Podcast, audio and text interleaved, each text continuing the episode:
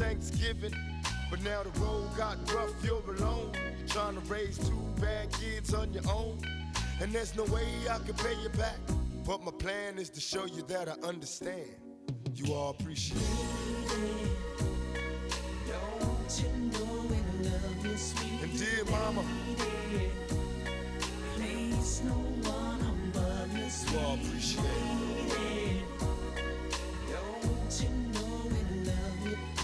Some liquor and I reminisce. Cause through the drama, I can always depend on my mama. And when it seems that I'm hopeless, you say the words that can get me back in focus. When I was sick as a little kid, to keep me happy, there's no limit to the things you did. And all my childhood memories are full of all the sweet things you did for me. And even though I act crazy, I gotta thank the Lord that you made me. There are no words that can express how I feel. You never kept a secret, always stayed real. And I appreciate how you raised me. Gaat meteen goed, jongens. Wat ben ik blij vanavond, zeg. Welkom allemaal. Mag ik even sowieso een daverend applaus dat jullie allemaal hier zitten op de regenachtige woensdagavond. Of regent het? Ik ben al lang niet buiten geweest vandaag. Op deze mooie winterse... Is het al winter? Ja, het is winter. Op Deze mooie winterse woensdagavond.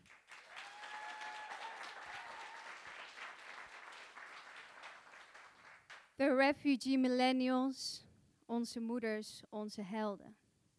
Wij waren hier eerder bij elkaar gekomen in januari. Wie waren daar allemaal bij aanwezig? Oh, ik heb al een achterban. Kijk aan. Toen hadden we het over de meest gestelde vragen aan een vluchteling. En dat heeft voor roering gezorgd. Zoveel roering dat we een serie hiervan mogen maken. Dus dit is een eerste editie van vijf delen, waarvan volgend jaar we nog vier Refugee Millennials mogen organiseren. En dat is ook een feest, dus daar ook een daverend applaus ook voor het Humanity House. Wie herkende het liedje die zojuist afspeelde? Oh, zo weinig kennis van Toepak. Welk liedje was dit zojuist, broer? Dear Mama van Toepak. Wat zei je? Dear Mama van Toepak. Kan jij je de eerste moment herinneren dat je dit liedje hoorde? Wanneer was dat? Ja, dat is wel echt wel jaren geleden. dat is echt wel jaren. mm, Ik denk 96? Ja, Vind je het een mooi liedje? sowieso. Zeker weten. Wat spreek je goed Nederlands? Ben je hier geboren? Ja, ik ben hier geboren. Oh ja? Waar kom je echt oorspronkelijk vandaan? Zuid-Soedan. Zuid-Soedan. Zou je nog terug willen? Zeker weten. Ik kom er net vandaan. Ja, ik kom er. Ja, we zijn het over. Ik mag dat wel vragen, hè? Ik wel. Kijk, daar hebben we de vorige keer over gehad. Hoe die meest gestelde vragen een streep trekken tussen jou en de ander. En het lijkt soms, wanneer je die vragen stelt, dat, eh, dat de ander jou in een bepaalde ja, kopje wil stoppen of framing om het kloppend te maken. Maar ik denk dat we de conclusie kunnen trekken uit de vorige keer. Nee, weet je wat? Ik ga eigenlijk vragen aan iemand anders wat hij de vorige keer heeft geleerd. Jij was er de vorige keer, toch? Welke inzicht heb je met je meegenomen? Hallo, hallo. Goedenavond allemaal. Mijn naam is Nieke. Ehm dankjewel, Sahar, voor deze alweer prachtige avond. Ik zeg het alvast, want we weten allemaal, het komt goed. Ehm, ja, welke inzichten heb ik vorige keer allemaal met me meegenomen? Ik eh, realiseerde me dat ik een refugee millennial ben. Eh, ik wist het altijd al, maar ik was een beetje, ja, eh, ik, ik hield het een beetje geheim. En ehm, wat is een refugee millennial? Ehm, een refugee millennial is iemand die naast millennial m- meer gelaagd is in, in zijn of haar identiteit. Als in, je bent ook een vluchteling, je hebt een vluchtelingenachtergrond. En eh, dat draag je altijd met je mee. Vorige keer was de vraag, wanneer, hou je, wa- wanneer houdt het op om eh, refugee millennial te zijn? En eh, die vraag heb ik eigenlijk meegenomen eh, in mijn leven. En ehm, daar ging ik wat scherp over nadenken. En ik dacht ook, ja, ik kan dit eigenlijk ook niet meer geheim houden, want het is ook geen geheim. voor mezelf of voor anderen. Ehm, waar ga ik naartoe? ja, ja, dat het dus geen geheim meer is. Ja, ja, en dat het eigenlijk altijd terugkomt in alles wat ik doe. En ehm, eigenlijk, ik vind dit zo'n mooie avond, omdat het teruggaat naar het begin. En ik moet dan ook, ook altijd denken aan moeder als ik denk aan eh, refugee millennial zijn. En hoeveel ik van haar heb geleerd. Oeh, ik krijg het warm al gelijk. mijn moeder is niet hier nu, dus eh, gelukkig kan ik nog, eh, nog, het nog droog houden. Maar Ja, daar zijn we dus eh, over eens dat eh, na de laatste Refugee Millennial, wat er bleek is dat wij ook een bepaalde drive hebben. We moeten maar door, door, door, door. Bepaalde ambities. En ik deelde aan het einde waar mijn drive vandaan komt. Die zit namelijk daar. Dat is mijn moeder. En ik antwoordde daarmee. Jongens, dit is gewoon. Het is gewoon Oprah waardig vanavond. We doen het lekker op zijn Amerikaans. Lekker verklappen. Oh, ik hou hiervan. Ehm, ja, dus die drive die komt daar ergens vandaan. Want ik antwoordde de hoofdvraag, wanneer stop je een vluchteling te zijn? En voor mij, om die reden, stopt het niet. Oh, nu sta ik op de, voor de foto. Dit is mijn mama. Mijn mama was hier nog minderjarig en ze had haar eerste kindje, mijn zus. Ik heb overigens geen foto's met haar, ik ben de derde. Ik heb echt lang gezocht, als baby. Er was wel een andere foto. Kan je naar de volgende gaan? Hier waren we. ja, ik ben goed opgedroogd. hier waren we ondertussen in Friesland, Witmarsum. Ik weet niet of ze hier, mama, was je hier 30? 29. Ze was hier 29 in een dorpje in Friesland. Was eh, in, met mijn tegenzin mijn haar aan het doen voordat ik naar school ging. Ik heb geen idee waarom dit in de ochtend is genomen. Maar dit is een foto dat ik van haar tegenkwam. En dit is mijn drive. Kijk, mijn moeder en ik zijn symbiotisch met elkaar verbonden. En daarmee bedoel ik dat wij een bepaalde verbinding hebben alsof ik haar, haar leven leef. Dat zeg ik best wel vaak. Ik leef haar kansen. Het is alsof naast mijn bloedaderen parallel die van haar lopen en dat ik dat met mij draag. En als er nu therapisten nu in de zaal zitten denken, oh mijn god, dit klinkt allemaal heel heftig. Knip die navelstreng door, leven van je moeder leven, Jezus kind, leef je eigen leven. Maar het is wel zo. Oh man. Eigenlijk kan ik het het beste omschrijven naar de stuk van Nazmir Oral. Ik weet niet of jullie haar kennen, zij is theatermaker. Nazmir Oral heeft een theaterstuk gemaakt en het heet God is een moeder. En dat legt ze als volgt uit. God is een moeder, want ieder creatie is perfect. Ik zie hier, bent u een moeder? Ja, ah, je bent Ja, hè? Ja. Kijk, moeders herkennen dit. Ieder creatie van haar is perfect. Maar voor mij is die eigenlijk andersom. Voor mij is mijn moeder perfect. Door alle opofferingen die zij heeft gedaan, kan ik haar niet pakken op haar fouten. Voor mij kan ze al niet meer fout gaan. Maar vanavond is eigenlijk ook meer een ode, meer dan alleen een ode aan moeders. Oké, we gaan het ook een beetje over vaders hebben als het moet. En dat doet me denken aan een artikel die gisteren eh, uitkwam over eh, dronten, als ik het niet verkeerd heb. Er was een eh, advertentie geplaatst op Marktplaats voor een klein paars fietsje. En eh, daar was op gereageerd door iemand. En eh, die wilde het om 12 uur 's middags komen halen, een man van een, gez- en een gezin die had dat te koop gezet. En dan om half twaalf krijgen ze een sms van ja, er is heel veel tegenwind, dus ik ben wat later. En zij denken, dat was gisteren trouwens, het was een hele koude winterse dag. Ze denken, wie gaat er nou fietsend een andere fiets ophalen? Dit zal wel nep zijn, het is marktplaats, hij komt niet. Ze hebben om één uur een afspraak en ze denken, we gaan, want hij is er nog niet. Krijgen ze een appje net na ene van ik ben er. En ze zeggen, ja, maar wij zijn nu weg. Ja, ik blijf wel wachten. Denken ze, nou is die man gek? Het is winters, ga gaat wachten. En wat blijkt, ze komen aan en hij staat daar met handschoenen, muts, in de kou, in de regen. En hij krijgt een brede glimlach op zijn gezicht wanneer hij hun ziet.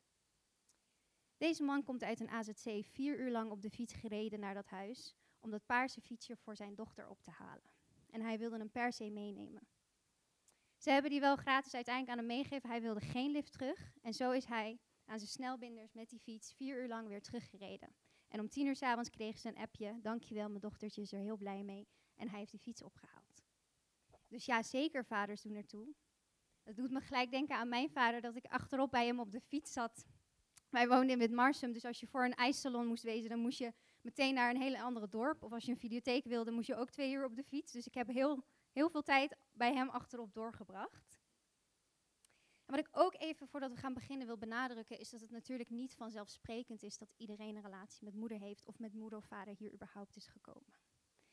Dat besef is er ook. Vanavond is misschien ook gewoon een ode voor die persoon in je leven die die opoffering heeft gemaakt of die rolmodel voor je is geweest. En we gaan natuurlijk ook een beetje lachen naast huilen. Huilen gaan we zeker.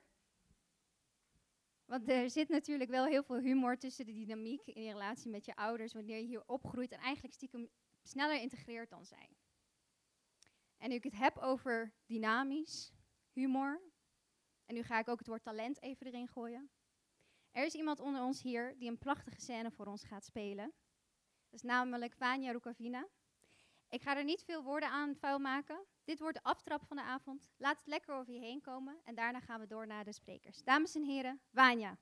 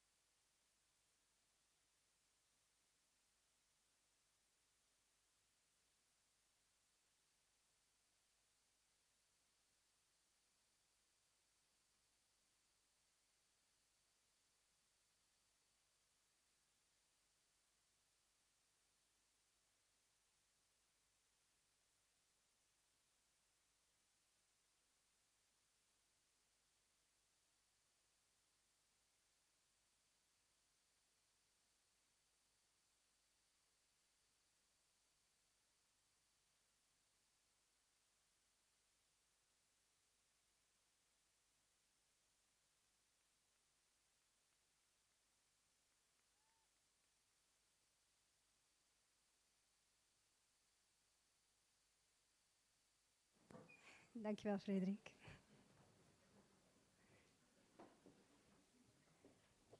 Kan niet, hè, Stellu, te laat komen? Ja, ik zie je wel. Wauw, dat was goed, hè? En er komt nog meer. Dankjewel, Wanja.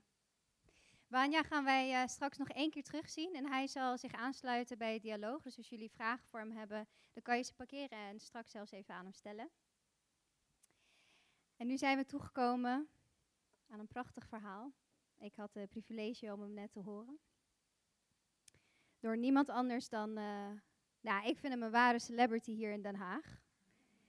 Kennen jullie Mama Africa? Ja, represent. Je hebt je entourage meegenomen.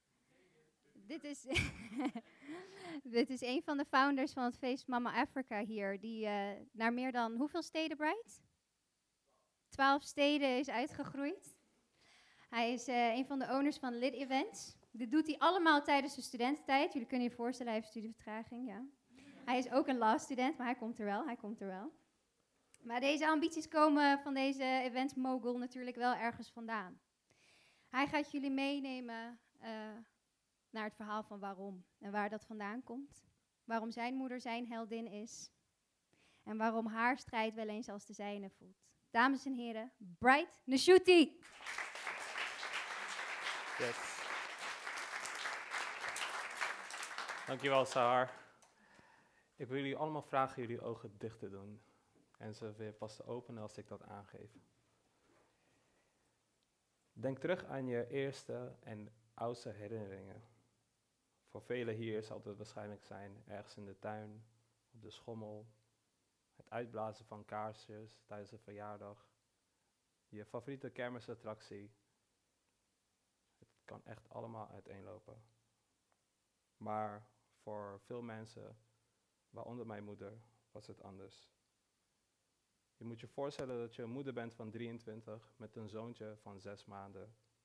En je rent vol angst en paniek ren je door het bos, niet wetende of je het gaat overleven. En al helemaal niet of je zoontje het gaat overleven. Net als je hersteld bent van je eerste bevalling, beland je in de volgens velen snelste en meest brute genocide van de 20e eeuw. Om jullie uit deze nachtmerrie te halen, stel ik voor dat jullie ook allemaal weer jullie ogen open doen. Want ik ga, niet alleen, eh, ik ga vandaag niet alleen belichten wat voor gruwelijke dingen mijn moeder heeft meegemaakt. Maar ik wil juist, uh, ja, ik wil het juist hebben over alle, alle goede dingen, alle goede kanten. Waarom zij zoveel energie, liefde en uh, kracht uitstraalt voor mij. Velen danken hun leven aan de goden, maar als je het mij vraagt, is het wel iets goddelijks dat er in negen maanden een baby wordt gecreëerd in de moeders buik. Een autofabriek heeft onderdelen nodig om een auto te maken. Een bak heeft ingrediënten nodig om brood te bakken. Maar de mensheid heeft moeder nodig, moeders nodig om voor te bestaan. Mijn vader nam al op redelijk jonge leeftijd de moedige stap om naar Europa te komen, naar Nederland. Om hier geld en andere middelen te genereren, zodat hij mij, mijn broertje en mijn moeder naar Nederland kon halen voor een beter bestaan. Toen mijn vader in uh, 1997 hier in Nederland landde, was mijn broertje net ook pas geboren. En dan moet je wel heel stevig in je schoenen staan om dan ja, in, een, in een heel turbulent land achter te blijven met je twee kinderen. Mijn moeder heeft er alles aan gedaan om mij en mijn broertje zo'n zo goed mogelijk leven te geven. En ik moet eerlijk zijn, we hadden het echt niet te klagen. We kregen alles wat ons kinderhartje begeerde. Ze werkte heel hard. Op een dag zaten we allemaal achter in de bus. En ik merkte die dag al dat mijn moeder best wel gespannen en overstuur was. En um, het kwartje viel pas toen ze tegen mij zei dat ze even haar tas moest pakken uit de bus rende en uh, de deuren dichtgingen en de bus al uh, opgestart werd.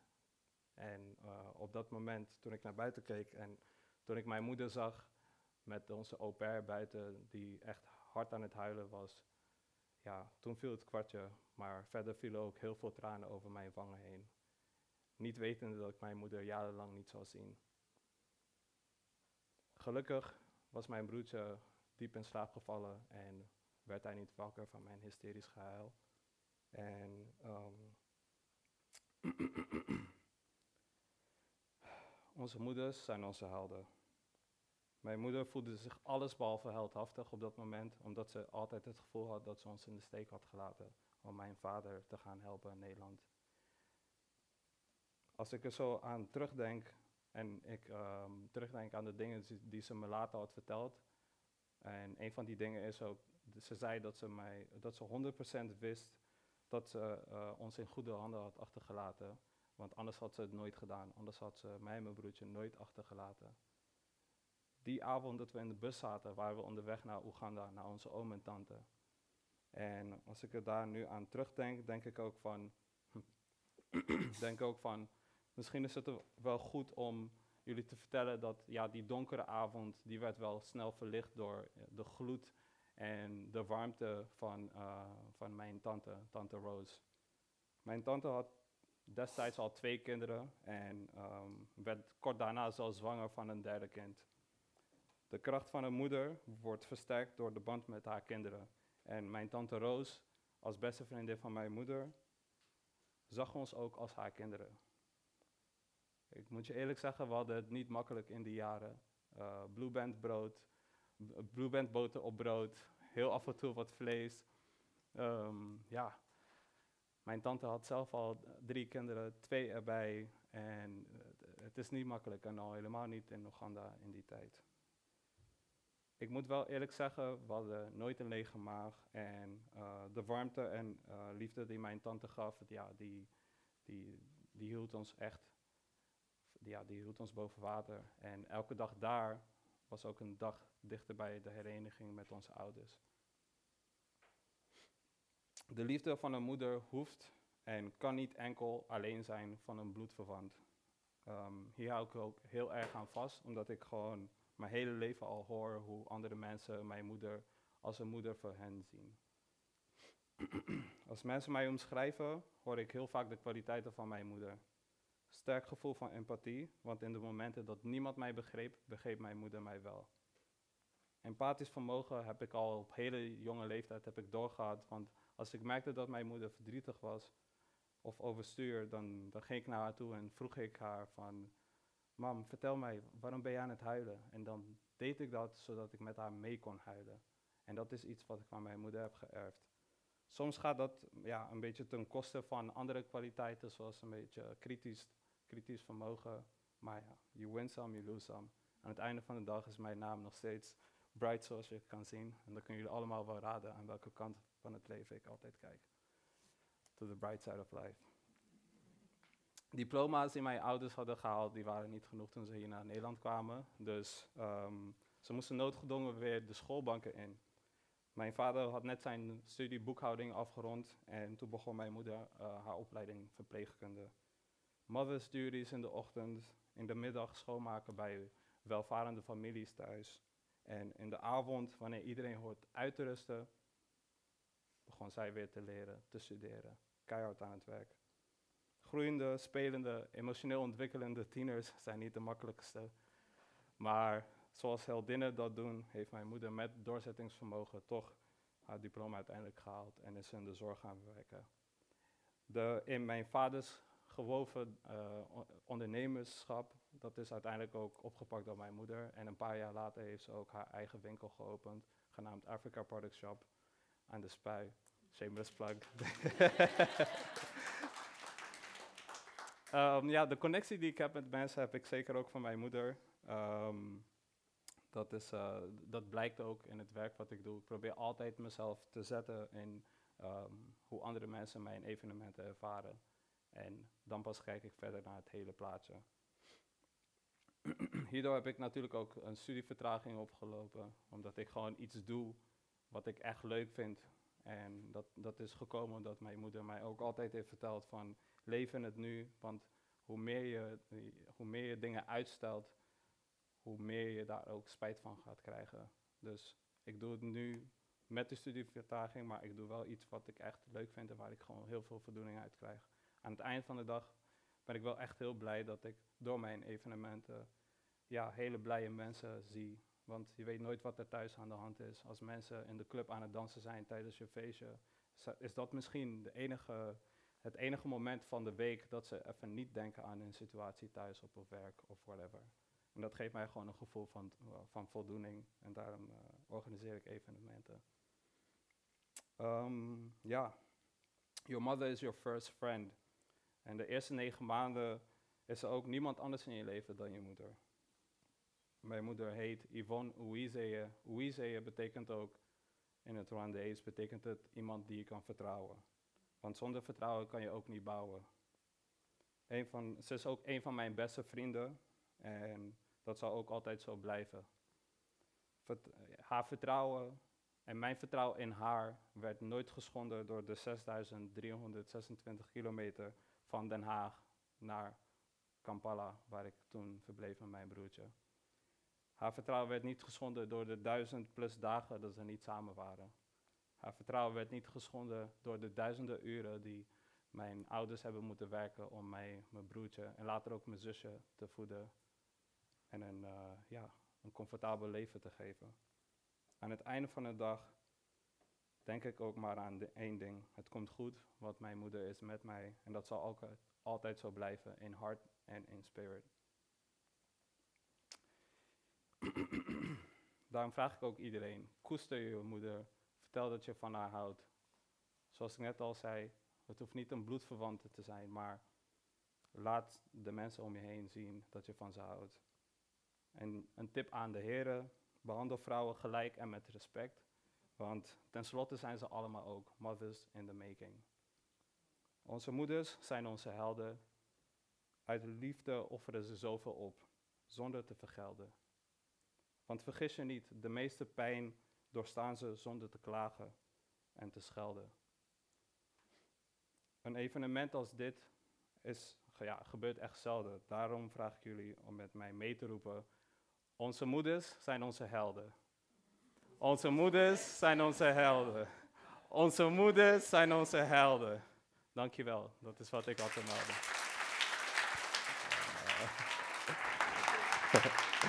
Dankjewel.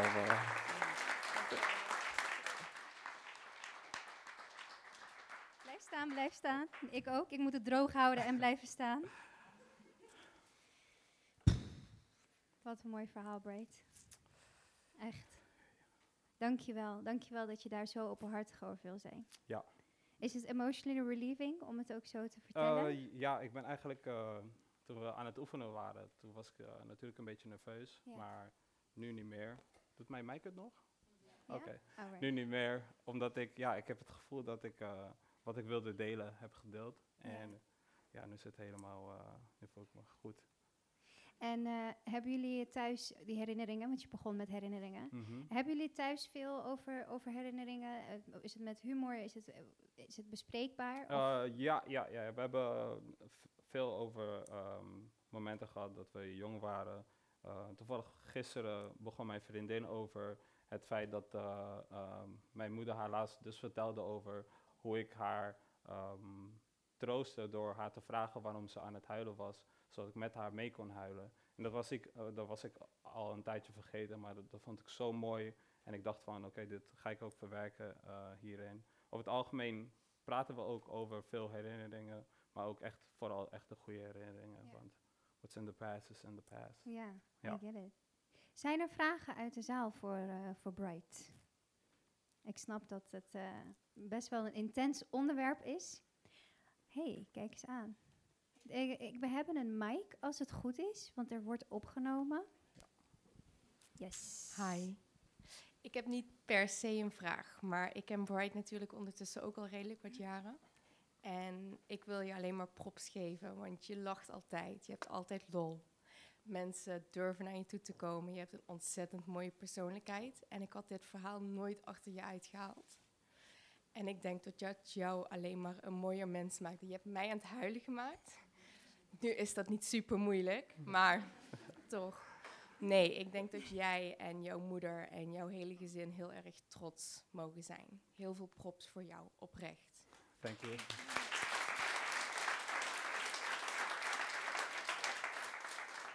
Dat is eh, Wendy, die is net moeder geworden. Vandaar de tranen. Het is een goede avond voor jou, hè? Ja, dat dacht ik al.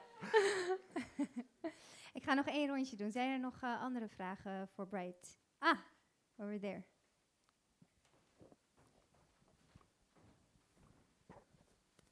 Nou ja, eh, no introduction needed voor mij voor Bright. Dus, eh, eh, mijn naam is Zetmar en eh, ik ben al echt heel lang bevriend met Bright, echt sinds de basisschool. Ik heb ook dit verhaal ook vroeg meegekregen bij hem. Ehm, maar ik had altijd wel een, een, een gevoel dat het voor jou natuurlijk heel moeilijk was op de basisschool om je aan te passen. En natuurlijk de nieuwe omgeving en doen. En eh, ja, mijn vraag is eigenlijk, hoe ben jij het makkelijkst door die tijd heen gekomen? Dat is een mooie vraag. Mm, ja. Wat ik eigenlijk heb gedaan is ehm, in de eerste paar jaar, ik denk wel tot en met de derde klas HAVO had ik, ehm, dus de eerste twee jaar was ik echt heel stil. Want ik, ik, ik Jij nam- stil? Ja, dat is het. Ik was echt heel stil in de eerste twee jaar. Ehm, maar dat was omdat ik heel veel informatie op probeerde te, eh, op probeerde te nemen. En, en ik dacht van, oké, ik spreek de taal nog niet. Want eh, toen ik in Oeganda was, ik, ik ben in Rwanda geboren. In Oeganda bij mijn oom en tante ben ik mijn moedertaal ben ik vergeten. En is er Engels bijgekomen en Oegandees. En toen ik naar Nederland kwam, is Ik dacht dat ik het zwaar had in Friesland. toen ik naar Nederland kwam, toen is uh, Oegandees eruit gegooid. Toen is Nederlands erbij gekomen. Mijn moedertaal is weer teruggekomen, want die spraken we thuis. En ehm, ja, om, om dan twee jaar eigenlijk niet echt goed te kunnen communiceren, was voor mij echt lastig. Maar uh, hoe ik eigenlijk zo goed mogelijk er doorheen kwam, was door eraan te blijven denken dat als ik eenmaal de taal onder de knie had gekregen, dan zou alles ook weer goed komen. Want dan kan ik nieuwe vrienden maken, kan ik nieuwe mensen ontmoeten. En dan kan ik ook gewoon, ehm, ja, dan kan ik ook gewoon goed leven zoals het hoort. Want een, een taal is echt een barrière. En als je een taal leert, leer je ook de mensen kennen die die taal spreken. Dus het was gewoon voor mij wachten. En tot en met de derde klas HAVO stond er, nadat ik de taal beheerste, stond er op elk rapport, Breit, praat te veel, Breit, praat te veel. En dus ik, heb mijn- ik heb die twee jaar heel snel ingehaald. Ja. Supermooi, dankjewel. Ehm wij komen straks weer terug bij jou, want we gaan met z'n allen straks in gesprek. Voor nu Ja. wil ik je even bedanken voor jouw stuk. Dames en heren, Bright Yes, Nashuti.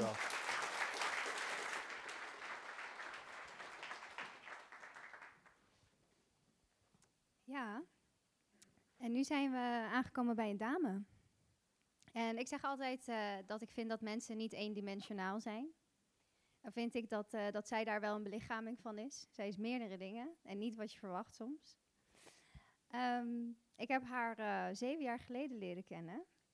En ik wist dat zij van Koerdische komaf was. Maar sinds deze week dat jij mij je verhaal gaf, wist ik pas echt hoe je verhaal in elkaar zat. En zij gaat ons vertellen hoe het is om met een alleenstaande moeder op te groeien. En hoe het soms kan voelen als een schuld die je nooit zal aflossen. Dames en heren, Hejal Cindy.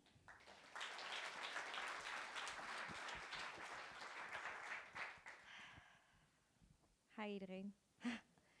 Mijn naam is Heja en eh, ik kan meteen beginnen met dat ik een plaatsvervangende vluchteling ben. Wat bedoel ik daarmee? Dat ik zelf geen vluchteling ben geweest, maar mijn moeder wel. En dat ik vaak mezelf in haar plek neem. Neem je eerst graag mee naar haar verhaal. Ze was jong, rond een jaar of acht, gevlucht van de gifgasaanvallen in Irak, het Koerdische gedeelte. Eenmaal aangekomen in Griekenland, twee getrouwde zussen achtergelaten in Irak, dacht ze dat ze een goed leven kon krijgen. Er was rust, was met haar ouders, haar broer. Het ging allemaal goed. Tot op een dag dacht haar familie, en zij uiteindelijk ook, omdat haar was ingepraat, dat het beter was om te gaan trouwen.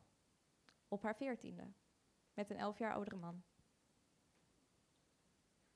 Na een jaartje, toen ze 15 werd, kreeg ze mij. En tot op de dag van vandaag zegt ze, nooit spijt gehad. Mijn vader, die besloot naar Nederland te gaan verhuizen. Er waren betere omst- ja, baanmogelijkheden. Hij was een ICT'er, het was daar nodig. Hij dacht, daar kunnen we een beter leven opbouwen. Mijn moeder, inmiddels 16 jaar, in Nederland, in een land die ze niet kent, ik ondertussen één jaar, Geen familie om ons heen, geen contact met familie. Taal die ze niet kenden en nog steeds een vluchteling. Uiteindelijk heeft ze het systeem leren kennen in Nederland, is ze de taal aan het leren kennen, ehm, ze weet hoe het allemaal in elkaar zit en ze is gaan werken. Naar school gaan mocht op dat moment niet, van mijn vader. Ze moest gewoon werken en geld inleveren. Dat was alles wat ze mocht doen. Inmiddels op haar 22ste met drie kinderen is ze achtergelaten door mijn vader. En is ze alleenstaande moeder geworden. Stel je voor, op je 22ste. Wij zitten dan te denken van, oké, ja, volgende week ga ik uit, maar naar welke club? En mijn moeder, die dacht, volgende week heb ik dan nog genoeg boodschapgeld? Maar goed, ze had moed bij gezameld, uh, met de jaren mee dat ze met mijn vader was. En eigenlijk vond ze dit een geluk bij een ongeluk. Ze besloot te werken in de avond en te studeren overdag. Ik ondertussen acht jaar, helpen voor mijn broertjes zorgen. Eén die pas geboren is met een astma en de andere die was ondertussen drie. Ruzie in de broertjes, continu uit elkaar halen, helpen met koken, helpen met luiers verwisselen. Maar wat ik zo mooi vond aan mijn moeder, was dat ze mijn jeugd niet in de weg wilde staan. Ik kon gewoon buiten spelen wanneer ik wilde. Ik had verjaardagsfeestjes, ik had slaappartijtjes, ik kon doen wat ik wilde. Er was zelfs een dag dat mijn moeder haar goud verkocht, zodat ik mijn bingo verjaardagsfeestje kon geven. Dat was toen de tijd heel erg in. Ik wilde en ik moest en ik moest gewoon gebeuren. Ze heeft niet laten merken dat ze geen geld had en ze heeft het gewoon voor elkaar gekregen. En dat, dat stukje, dat is ook al een deel van een schuld. Die ik niet kan aflossen. Nu komt het mooie. Want sinds haar 22ste heeft ze en haar rijbewijs gehaald, en een schoonheidsdiploma, en een kappersdiploma, en elf andere certificaten in de schoonheidsbranche. Dankjewel. Zonder enige hulp van een man. Vergeet dat niet. Dankjewel. Dank je. Ja, en, uh, en uh, nu begin ik met mezelf. Mijn naam is Heesja, 27 jaar, law alumna, eigenaresse van een handgemaakte cosmetica bedrijf, hardcore gamer, hardrock fanaat en spiritualist. ik heb het mijn moeder goed moeilijk gemaakt. Want het zit namelijk zo. Mijn moeder die is opgegroeid in een hele Koerdische samenleving. Die kent het hele Koerdische cultuur en buiten dat kent ze het niet. Zij toen zij eigenlijk al een alleenstaande moeder werd, kreeg al meteen die sociale druk van de familie, van, van iedereen om haar heen, dat zij een goede, perfecte Koerdische moeder moet zijn, die haar kinderen op de perfecte islamitische Koerdische wijze gaat opvoeden. Ik was alles behalve dat. Um, ja. Ik uh, werd 12 jaar en ik begon uh, te rebelleren een beetje. Ik begon vragen te stellen met betrekking tot de islam. Ik begon vragen te stellen met wie ben ik? Ik voel iets heel anders. Ik voel dat er iets, een, andere connectie is met mij en het universum. Um, ik luisterde naar andere muziek. Mijn stijl begon heel erg zwart te worden. En ik kreeg eyeliner op elke aspect van mijn gezicht dat er maar was. En uh, ik begon mijn eerste set tarotkaarten te kopen. Mijn moeder doodsbang voor mij. Die denkt, die is nu satanist geworden. Ik moet die tarotkaarten weggooien. Nou, dat heeft ze ook gedaan, samen met al mijn kristallen en al mijn boeken over het bovennatuurlijke. Nou goed, het volgende zakgeld komt eraan. Ik koop mijn set tarotkaarten. En zo ging die hele cyclus de hele jaar door. Of het hele jaar door. En vele andere jaren met betrekking tot andere dingen. Naar concerten gaan mocht niet. Geen vriendjes. Niet uitgaan. Niet later dan een uurtje of zes naar huis komen. Uh, het was studeren, het was thuiskomen, helpen en dat was het. En op een of andere manier vond ik dat niet eens zo erg. Want ik dacht, mijn moeder heeft ook geen jeugd gehad. En ik heb al een fijne jeugdjeugd gehad toen ik jong was, toen ik nog op de basisschool zat, et cetera. Het maakt niet uit. Ik, ik ben tevreden met wat ik heb. Zij heeft erger meegemaakt. Maar goed, geen vriendjes zoals ik al zei. Was taboe, absoluut verboden. En zij verwachtte dat ik met een super nette Koerdische man met een islamitische achtergrond zou trouwen. Ik ben getrouwd met een Bosnier. die atheïst is. en uh, ja, uiteindelijk eh, had ik een, een date met hem, een eerste date nog, voordat we gingen trouwen natuurlijk. Eh, ik wilde het gewoon normaal houden, zoals normaal elk mens doet. En eh, ik dacht bij mijn eerste date al, "Mm, dit wordt niks. Ik vind hem echt, ja, hij was leuk op de chat, maar in het echt, mm." Ik dacht, ik ga hem gebruiken. Ik ga hem gebruiken om mijn moeder te confronteren. Dat ik niet op Koerdische mannen val. Daar staat hij overigens.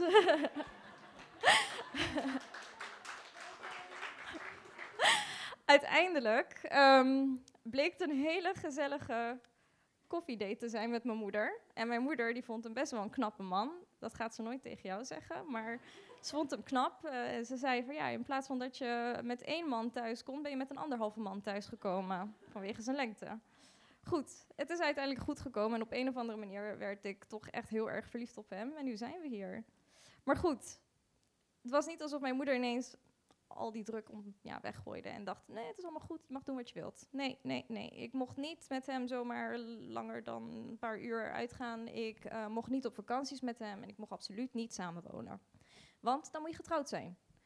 Althans in onze cultuur. Dus, we hebben besloten islamitisch te gaan trouwen. Heel erg hypocriet zou je denken, omdat ik natuurlijk geen islamiet ben. Maar dat was het enige stukje schuld dat ik voelde die ik wel kon aflossen naar mijn moeder. Mijn moeder heeft alles voor mij opgegeven en voor mijn broertjes. Toen zij 22 was en alleenstaande moeder, hebben haar broers en de rest van de familie nog gezegd: laat die kinderen bij de ouders van, je va- van haar vader. Van mijn vader dus. Je bent 22, je bent jong, je hebt heel leven voor je. Laat die kinderen in de steek, ga je eigen leven leiden. En mijn moeder wilde dat absoluut niet doen. Haar broers hebben vijf jaar lang niet met haar gepraat, omdat zij dacht, nee, ik blijf in Nederland en ik ga voor mijn kinderen zorgen. Hoe ga je zo'n schuld aflossen? Dit was het enige stukje schuld die ik voor haar kon aflossen. Dus ik heb die compromis gesloten en we hebben dit gedaan. En mijn moeder, die besefte gelukkig bij onze echte trouwerij, dat ze zich kan bewijzen hoeveel ze maar wilt, maar dat het bewijzen nooit ophoudt. Ik ben even vurig als mijn moeder. Ik heb een grote mond, net als zij. Ik ben koppig. En ik ben ook gevoelig zoals zij. En dat vind ik zo mooi, want ik ben geen Diana. Ik ben Heja. Ik ben een creatie die vandaar komt. En juist door die koppigheid en die vurigheid en, en door alles wat er om me heen speelt, ben ik juist die persoon die ik nu ben.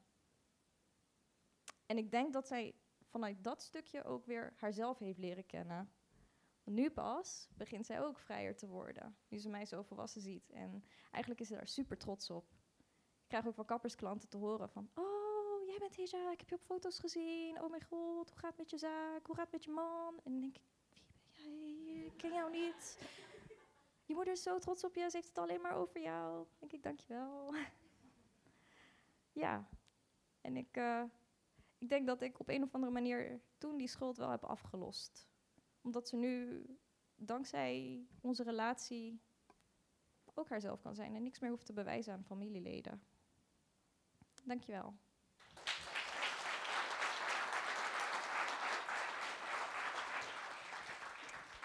Dankjewel, schat. Dankjewel. Ik ben trots dat je zo openhartig hierover durft en kan spreken. Het is natuurlijk niet vanzelfsprekend voor alle dames vanuit onze cultuur. Dat durf ik te beamen. Wie hier in de zaal eh, voelde herkenbaarheid? Hoeft niet identiek met haar verhaal te zijn natuurlijk. Maar voelen jullie ook soms dat het eh, een schuld is die je niet aflost? Moederschap? Een aantal. Ja. Weet je wat ik grappig vond aan jouw verhaal is? Er zit een contrast. Je bent rebels, ik ken je, dat ben je ook. Maar enorme vorm van loyaliteit aan die andere kant.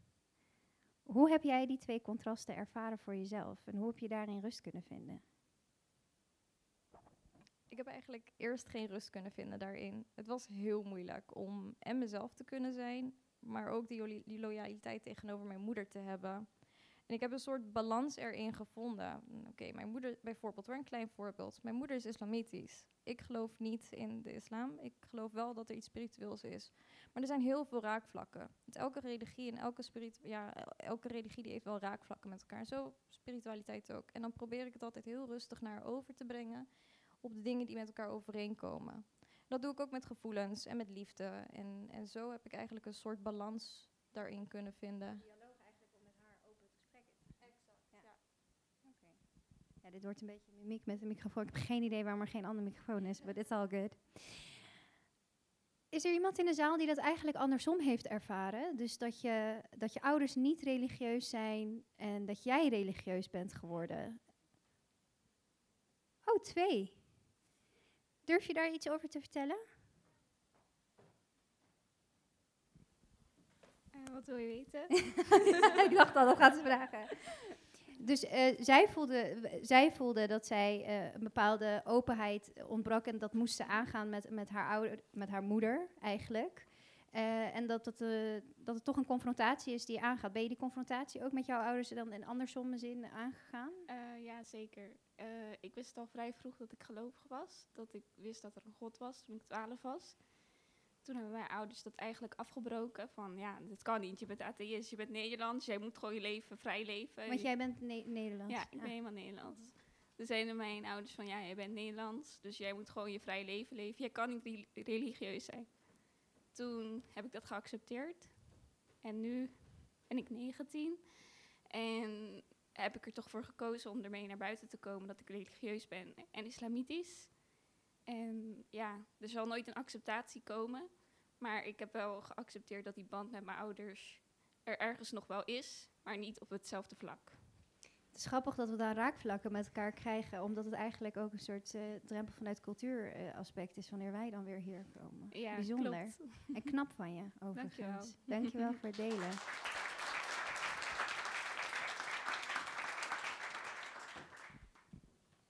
Er is een dame daar, die had ook haar mooie hand omhoog. Hi, Hoi. Shana. Hoi Sahar. Hoi allemaal. Ehm, mijn verhaaltje is in dat opzicht iets anders. Mijn moeder is eh, Nederlandse. Ehm, activist vanuit vroeger jaren 60, als tiener in de jaren 60. Echt een eh, communist, eh, anti-apartheid. Echt onwijs betrokken bij van alles. Dus ook, maar ze is, was niet, ze is niet religieus. Mijn vader ehm, is, eh, was, kwam uit Cameroen. eh, katholiek opgegroeid. Eh, die is er helaas niet meer. Maar mijn moeder, nou, communisme, voor degene die niet weten, communisme en religie is een. That doesn't mix at all. Ehm, en ik ben op een gegeven moment steeds meer naar de kerk gegaan. En we hebben wel interessante gesprekken daarover gevoerd. En ik vind het grappig wat Heja net zegt over die raakvlakken die je probeert te zoeken, zeg maar. Ik heb heel erg. ehm, nou, ik ben niet iemand, ik ga niet elke week naar de kerk, maar ik, heb wel moeite gehad met haar uitleggen waarom ik dat dan deed. Want dat was niet haar manier hoe zij naar dingen keek. Maar ik, ik heb me heel erg gefocust op inderdaad die raakvlakken. En ook eh, ja, waarvan zij dan zegt, ja, vanuit, vanuit de humanistische kant, vanuit gewoon mijn menselijkheid.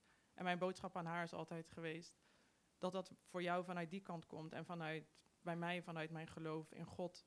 Dat eigenlijk maakt het helemaal niet uit. We moeten er gewoon, we moeten blij zijn dat we op dezelfde manier naar die dingen kijken. Want daar draait het om. En dat maakt ons menselijk. Dus dat was mijn verhaal. Wauw, dankjewel. Zou je daarop willen reageren? Zou je daarop willen reageren? Ik had alleen maar ja knikken. Ik dacht, ja, ik begrijp je.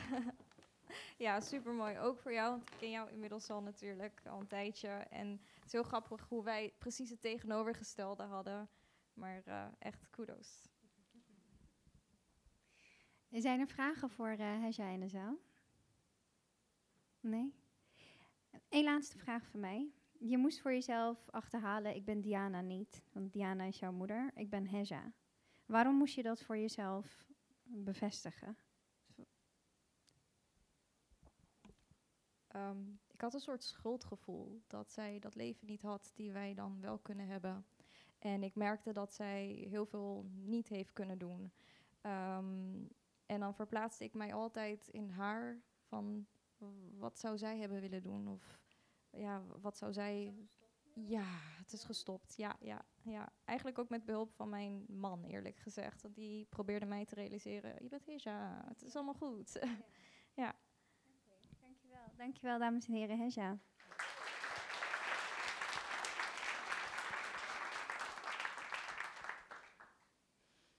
Zijn we nu aangekomen bij onze laatste spreker. En ik wil jullie vragen om heel lief tegen hem te zijn, want ik weet dat hij dit heel spannend vindt. Ik heb sinds vanochtend met hem ge-sms'd. En ik ben hem enorm dankbaar dat hij dit wil doen. Dus alle liefde voor jou daarvoor. Deze jongen is helemaal uit Amsterdam hier gekomen. uit de mooie Amsterdam die nooit voor Den Haag. Zelfs vrienden uit Amsterdam zijn voor hem hier gekomen. Support system. En dat is ook waar hij het over gaat hebben. Het zijn van een tweeledige zoon.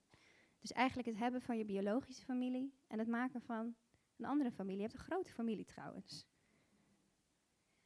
Hamed Rahmani, dames en heren.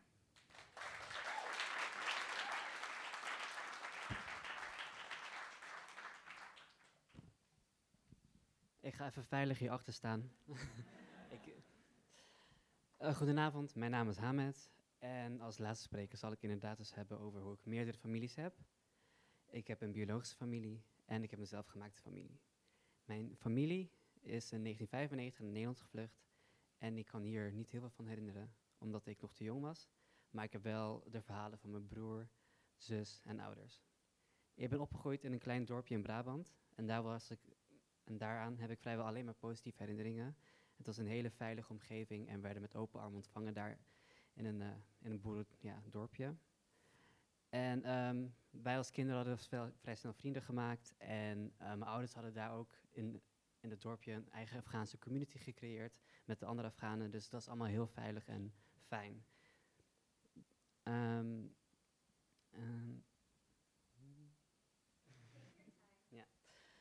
Uh, mijn ouders hebben heel veel opgeofferd voor ons gezin. En ik denk dat het geldt voor elk gezin dat ooit gevlucht is. Ze hebben veel moeten overwinnen, van laagdrempelige banen tot waar ze nu zijn. Ze hebben allebei succesvolle ondernemingen. En ik ben ontzettend trots daarop. En uh, ja, gewoon heel erg bijzonder hoe ver wij, zijn nu gekomen als gezin en voornamelijk mijn ouders. Ik weet dat het een cliché is dat ik als biculturele kind me altijd anders heb gevoeld. Maar nu begrijp ik ook beter hoezo dat was. Mijn ouders waren namelijk tijdens onze opvoeding op een aantal dingen heel strikt. En dat was studie en taal. Uh, ze zeiden, Nederlands spreek je op school en met je vrienden en thuis spreek je Farsi. Ik ben zeer dankbaar daarvoor dat ik gewoon beide talen dus nu vloeiend kan spreken. Maar dat is ook een van de redenen dat ik me als kind al snel anders voelde. Omdat um, als ik bij uh, mijn vriendjes uh, thuis ging spelen, toen besefte ik dat zij gewoon door ging praten met Nederlands en wij gingen thuis overschakelen op Afghaans. Dus dat was al vrij vroeg ik door had van, oh, dat is bij ons, of ik ben anders en toen kwam ik ook nog uh, tijdens de puberteit op een vijfjarige leeftijd voor mezelf achter dat ik toch iets meer geïnteresseerd was in mannen dan in vrouwen.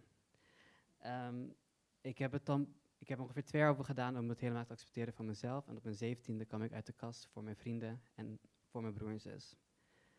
Mijn vrienden hebben de beste reactie ooit gehad. En um, ze hebben me met open armen ontvangen. Ze hebben altijd gezegd, we accepteren wie je bent. En het was natuurlijk ook niet echt een verrassing. Uh, en uh, op dat moment uh, voelde heel bevestigend dat ik op de juiste weg was. En dat het ook, ja, dat, ja. Um, de reactie van mijn uh, broer en zus waren ook heel, accepterend. Alleen het punt was dat wij ons alle drie gelijk zorgen maakten over de reactie van mijn ouders. We konden alle drie niet inschatten wat de reactie zou zijn. En um, we hebben toen met z'n drie eigenlijk een soort van pact gemaakt dat Um, we gaan het pas vertellen als mijn ouders het vragen. En een paar jaar later was dat dus het geval. Um, even kijken. Het was een best wel intens moment. En ja, er zijn best wel vervelende dingen gezegd. Ik, ik, ik uh, oorde mijn ouders niet op hun eerste reactie. Want ja, daar heb ik gewoon mijn redenen voor natuurlijk. Maar mijn vader heeft bijvoorbeeld uh, gezegd dat hij dit erger vond dan het overlijden van zijn eigen vader. En mijn moeders uh, reactie, eerste reactie was vooral bezorgdheid, zo, maar op een hele lieve manier van pas op voor de reacties van andere mensen en pas op voor alle ziektes die alle die zaten te wachten, eigenlijk ja. Maar um, ja, het heeft heel veel tijd en discussies gekost hoe mijn band nu met mijn moeder nu is, maar ik ben heel tevreden over het resultaat. Mijn moeder voelt zich gemakkelijk genoeg om te vragen of ik aan het daten was of dat ik een relatie heb. En dat is iets waar ik ontzettend trots op ben. Met mijn vader daarentegen praten we niet echt over, maar ik weet dat mijn moeder heel hard haar best heeft gedaan om mijn geaardheid met mij eh, bespreekbaar te maken tussen hen. En dat vind ik heel bijzonder.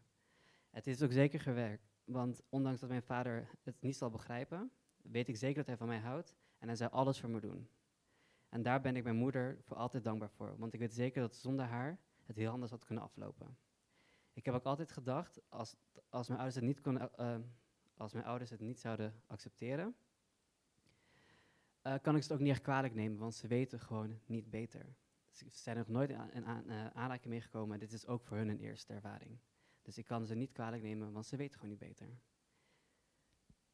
Ik heb een eh, theorie over uit de kast komen en te accepteren wie je da- daadwerkelijk bent, omdat het voor mij voelde alsof ik tweede keer in de puberteit kwam. Je hebt natuurlijk in je, tienera- eh, in je tienerjaren je hormonale en lichamelijke veranderingen, wat je defini- definieert als puber. Als je uit de kast komt, dan heb je ook nog de acceptatie van wie je daad- daadwerkelijk bent. En dat was voor mij een best wel grote mentale verandering. Daarom heb ik het gevoel dat ik twee keer heb gepu- eh, of in ieder geval puberaal gedrag heb vertoond.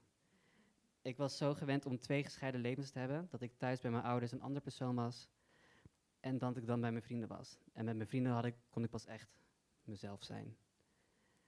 En omdat ik er zo gewend was om die twee rollen te spelen, wist ik ook niet hoe ik daarmee moest omgaan. En begon ik juist te rebelleren als, als, als een puber. Ehm, mijn eigen omgeving noem ik ook wel mijn eigen gekozen familie. Want de meeste van mijn vrienden, die ken ik al ruim 12 jaar. En daar heb ik veel lief en leed mee gedeeld. Net zoals elke familie. Om een quote te noemen van de bekendste drag queen van de wereld, genaamd RuPaul. We as gay people, we get to choose our own family. We get to choose the people we are around. Ik heb dat bewust of onbewust op een vrij jonge leeftijd al gedaan. En het klopt echt, want zo voelt het voor mij ook. Ehm, ik ken namelijk een aantal refugee millennials die ook behoren tot de LGBTQ-gemeenschap, die hun originele familie niet meer zien of spreken, maar alleen een eigen gekozen familie nog hebben. Dat is ook een van de redenen dat ik als een refugee millennial hier sta, om ook hun te vertegenwoordigen, die het misschien wel zwaarder dan mij hebben gehad met een coming out. Ik denk ook dat het zeker helpt aan je zelfvertrouwen als je uit de kast wil komen, dat je weet dat er een opvangnet is met allemaal mooie mensen die er altijd voor je zullen zijn. Ik heb meerdere helden gehad in mijn verhaal. De eerste is mijn moeder, de tweede zijn mijn eigen gemaakte familie. Zonder beide zou ik niet kunnen zijn wie ik nu ben. En zonder mijn tweede familie had ik nooit het lef gehad om uit de kast te komen tegenover mijn biologische familie.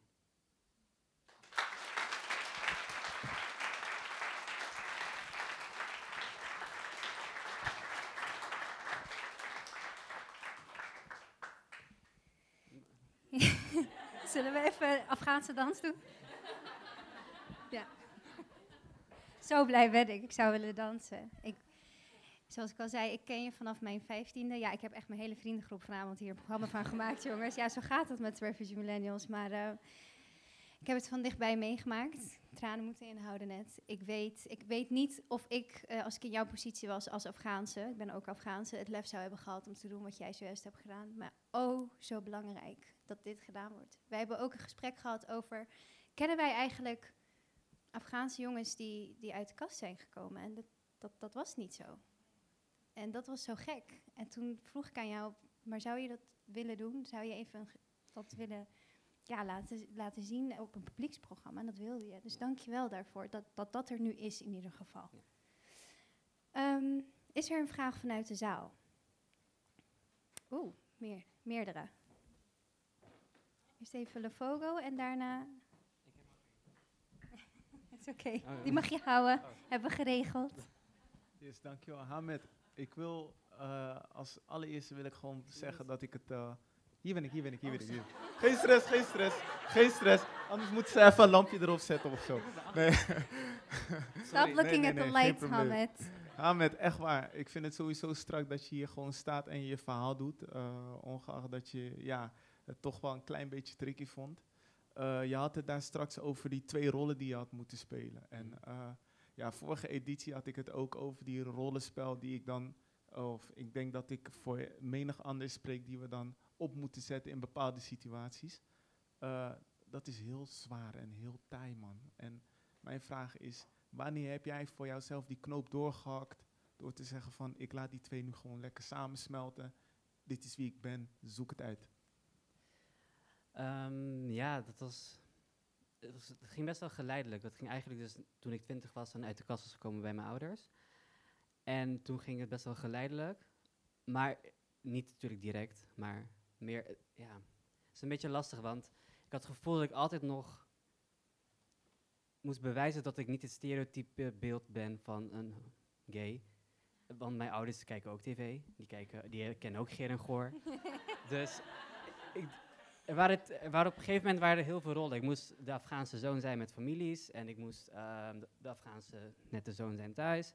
En mijn vrienden boeide het allemaal niet. En toen had ik gewoon altijd lol en plezier. Want je ging ook naar bruiloften. Vertel het verhaal van... Oh, ja, ik had, vorig jaar had ik eh, een Afghaans-Marokkaanse bruiloft. Was hartstikke leuk, want het was gescheiden. Dus alle vrouwen zaten in één zaal met muziek en dansen. En alle mannen zitten in een zaal zonder muziek. En te praten over auto's en macho's en Rolex en luchtjes. En ik, ik hield het volgens mij tot het eten vol en toen heb ik een Uber besteld en naar huis gegaan. En, ik, en het ergste was dat ik gewoon niet mijn nichtjes, waar ik een hele goede band mee heb, kon zien. Want die waren in een andere zaal. dansen, ja. En mijn moeder en mijn zus, iedereen, ja. Ik ging stiekem kijken Sad zo. story. Ging je niet even, even stiekem zo? Nee? Ah. Er was, eh, daarachter was er... eh, had je zelf de vraag? Ja.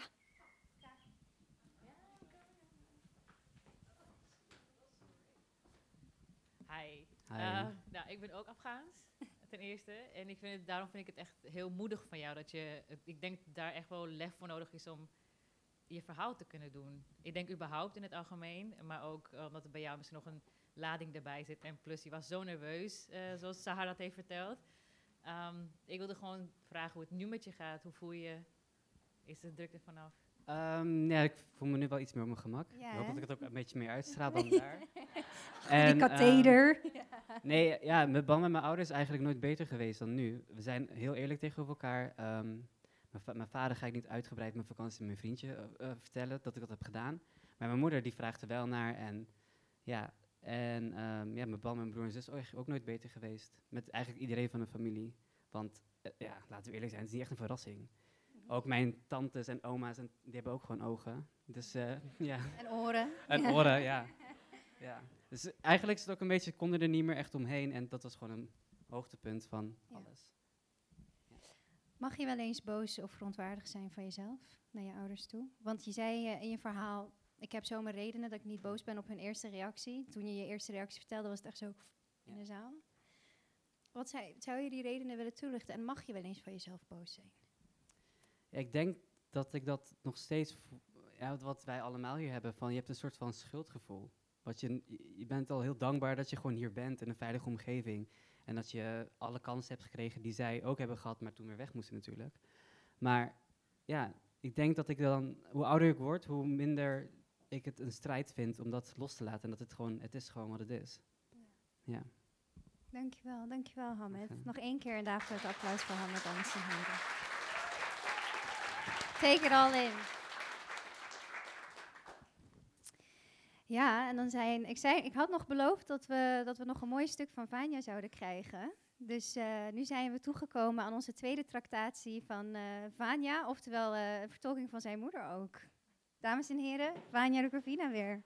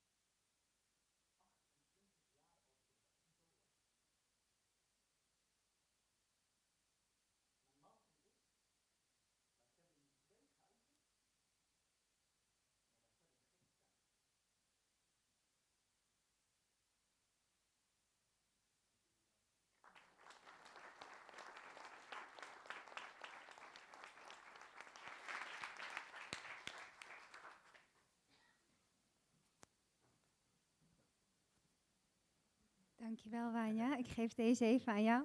Beetje gek om Thanks. gelijk van... eh is deze aan? Ja? Beetje gek om gelijk van een scène niet te kunnen bijkomen meteen door. Ik zag de tranen in je ogen, ik was in tranen en opeens staan wij weer hier te kletsen. Ja. Dus eh dankjewel dat je dit sowieso gedaan, ja. meteen achter elkaar wil doen. Ehm Vanja Rukovina, ik mocht je, ik mocht je naam niet eh displayen, ik mocht niks, want jij zat helemaal in die scene. Je zei ik wil dat het zwart achter mij is en ik wil die scene spelen, wat ik ook snap. Mhm. Maar wij hebben natuurlijk niet net als de anderen jouw verhaal gehoord. Mhm. Maar er zit natuurlijk ook een verhaal achter. We hebben wel je moeder heel mooi leren kennen. Ja. Zou je heel kort ook nog willen toelichten? eh, ook eh, hoe, eh, hoe de inspiratie voor deze scène is gekomen? Want dit is uit een stuk Nobody Home, die al Ja. geweest is, voorstelling. Ja. Dus vertel daar.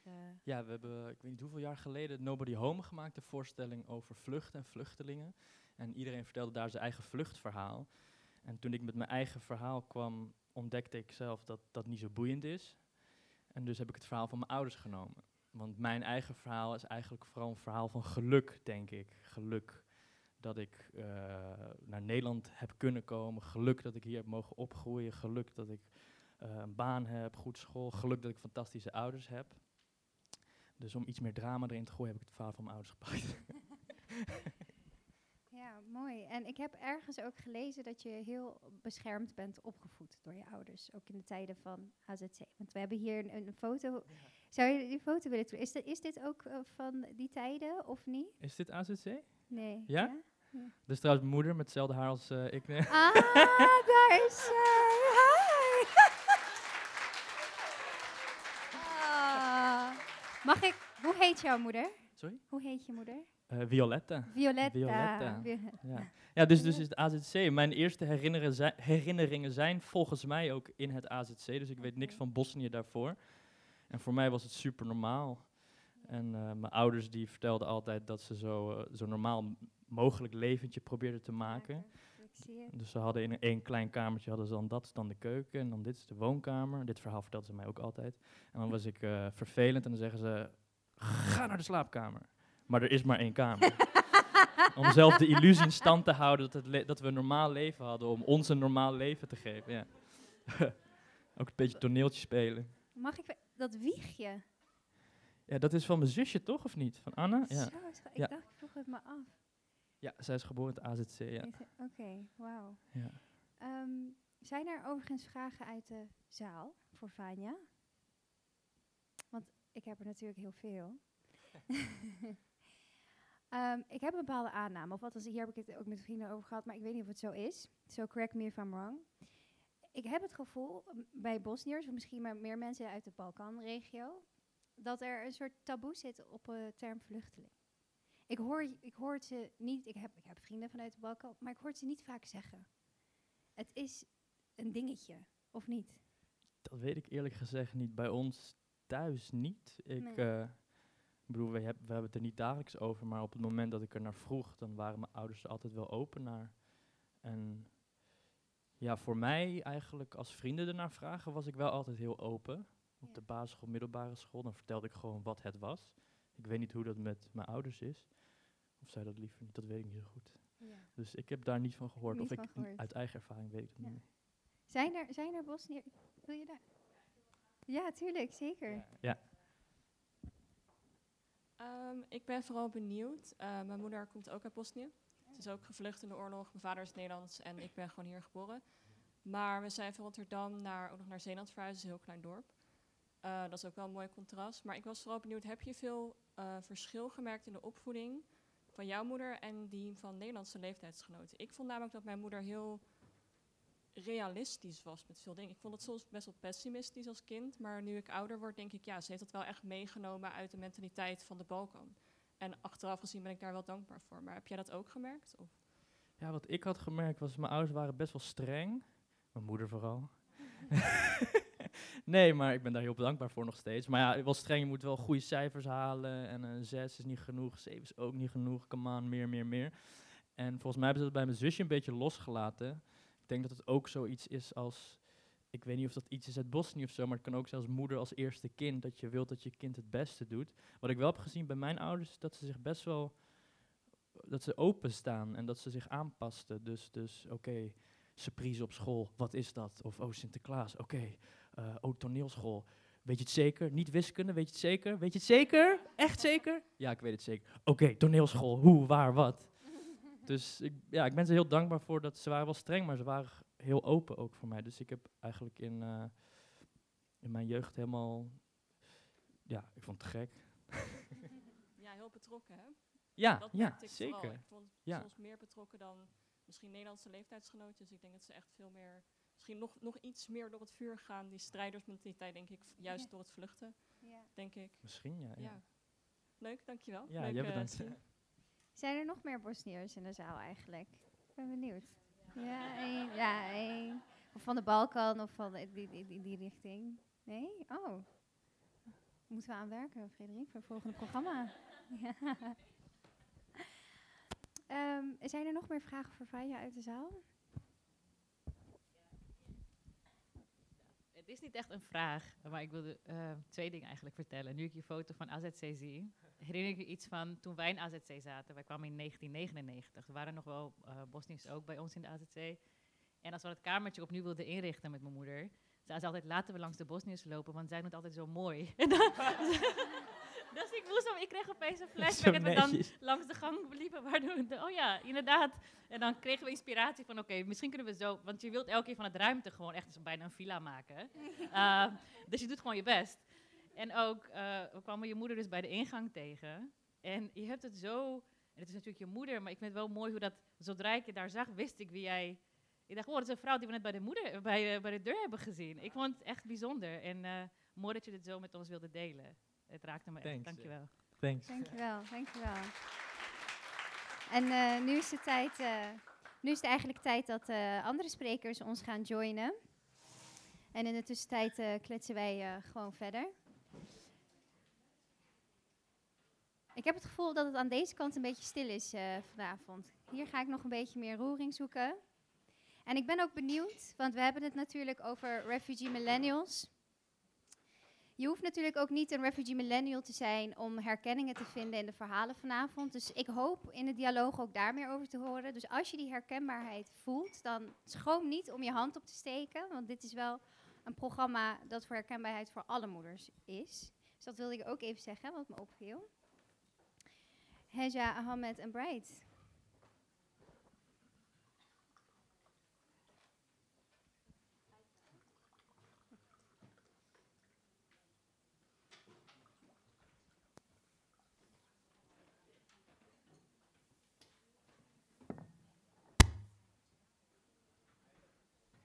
Dankjewel. Yes. Ik wilde eigenlijk. ehm, ja, hebben we alle Instagram-posts gedaan? Hebben we de Twitters en de Facebook-posts? Kijk, oh, iemand heeft gepraat op WhatsApp. Even checken. Maar het is nu wel klaar, hè? Ik, was, ik had een vraag bij jullie allemaal opgeschreven, opgeschreven en die ben ik dus helemaal vergeten te stellen. Dus dat ga ik nu even doen. En ik begin bij jou, Hamed. Jullie hebben natuurlijk hele leuke foto's van jullie jeugd uitgezocht. En ik wilde vragen dat als je terug mocht in de tijd. als je terug mocht in de tijd en jezelf advies mocht geven over je relatie met je ouders, wat zou dat zijn? Mm. Ehm, ik denk, ja, toch iets meer geduldig zijn. En niet te snel als een, ja, ik denk als je, vooral in de puberteit zeg maar, ik had twee gehad. De eerste of twee? Ja, ik heb er twee gehad. Eh, gewoon, ja, gedu- meer geduldig zijn en dat je ook moet begrijpen van, dat ik, ja, als je meer geduldig bent, dat je ook een keer je ouders het woord laat doen, of je moeder, of wat dan ook. Dat je echt geduldig bent met ook eh, hun reactie op je nemen en kijken wat je ermee doet. En ja, dat eigenlijk. dat Niet snel conclusies trekken aan. Ja, precies. Oké, oké. Ja. Herkennen jullie dit een beetje? Ja, ik zie daar geknik. Oké. Oh, ik weet niet, of- staat hem mic aan? Nee? Ja. Nee, eh, ja, wat je net zei. Ja. Die ik, eh,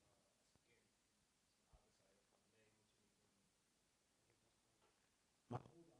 Ik, ik heb, ja, ik heb wel een goed voorbeeld. Daar toen ben ik, je. toen ik, toen ik, toen ik, eh, toen ik nog erg jong was ehm, en ik denk dat ik, ehm, ik denk dat ik tien was, elf. En eh, we kregen natuurlijk allemaal reclamefolders eh, binnen. En ik zag in die reclamefolders van eh Phonehouse en Hi, et cetera, zag ik telefoon, Sony Ericsson, Samsung, gratis. Gratis. En ik, pap, mag ik deze alsjeblieft? En hij, nee. En ik, hoezo niet? En hij zegt, ja, ehm, dat kost veel geld. Het is gratis. Ik kan het lezen, het is gratis. En hij, weet je, hij probeerde uit te leggen, nee, het is niet gratis.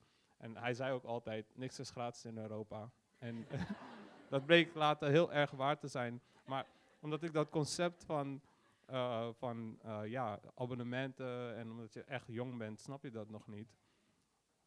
Verweet ik mijn ouders heel veel. Dus ik dacht van, ze, ze, ze, ze gunnen het mij niet. Ze willen, ze willen mij geen telefoon geven omdat ze mij niet verantwoordelijk genoeg vinden of, eh, of iets. En eh, dat is precies waar je het net over had, te snel conclusies trekken. En ik denk dat ik, ehm, ja, dat, ik dat wel echt een gouden tip eh, had gevonden. Ja, wat de vraag was, wat zou je anders willen doen? Of tip die je zelf wil meegeven aan vroeger? Ja, ja ik heb even nagedacht. Ik dacht, ehm, ja, ik vond het wel goed zo. Puber is wel oké, hoe ik was. ja, ja. maar ik dacht... I love Violetta. Ja. Nee, aan vroeger denk ik van, ik hoef geen tip te geven, maar ik zat te denken misschien wel nu aan mezelf een tip geven. Om een soort van, ja, om geduldiger te kunnen zijn nu je zelf ook ouder bent. Dat je minder snel boos wordt. Want ik merk, ik word boos omdat juist, omdat je zoveel houdt van de ander, van mijn moeder, van mijn vader. Ja, Dus het, gaat je aan en daardoor word je boos omdat je wilt dat het goed, wilt dat die ander gelukkig is. Dus ik zou mezelf eigenlijk nu als tip willen geven van tone it down a bit en heb iets meer geduld naar je ouders toe die jou, die alles voor je hebben gedaan je hele leven lang en nog steeds doen. Klopt het, Violetta? Die je beter mee eens? Ja? Kun je hem goed? Hij was ook moeilijk. Ik had het ook moeilijk, ook. Ik vind het grappig, want jullie geven dezelfde adviezen. En we, we horen de hele avond eigenlijk hele liefdevolle verhalen. En toch vragen jullie meer geduld van jullie zelf. Dus ik vind het, die, die, die, relatie van beide kanten, is, er zo, het lijkt zoveel liefde. dat, en de boosheid. Hesja. Ja, ik denk dat we eh, op reactie op wat je net zei, het is net een schuld alsof je die nooit aflost. Dus op een of andere manier wil je toch geduldiger zijn tegenover je moeder of vader. Ehm, tip die ik mijzelf zou geven is eh, minder geforceerd, man. Ik eh, was al edgy genoeg, maar ik wilde het per se nog edgier maken tegenover mijn moeder. Ja. En ja, eigenlijk het, gewoon rustig aan inderdaad. En het op een gegeven moment wensen er zelf wel aan. Mensen er zelf aan. Mijn Ja. moeder is in Ja. dat geval, ja. En in de zaal, als je een tip aan jezelf mocht geven, wie wilt er delen?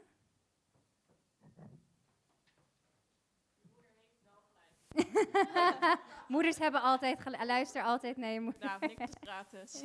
niks is gratis. Ik zie daar eh, achter eh, een hand. Oké, mag ook. Ja, het, het is eh, natuurlijk eh, wennen voor je ouders om in een nieuw land te komen, zoals Nederland. En eh, ja, als je hier bent opgegroeid, ben je natuurlijk met normen en waarden en eh, ja, noem allemaal op, eh, opgegroeid van hier.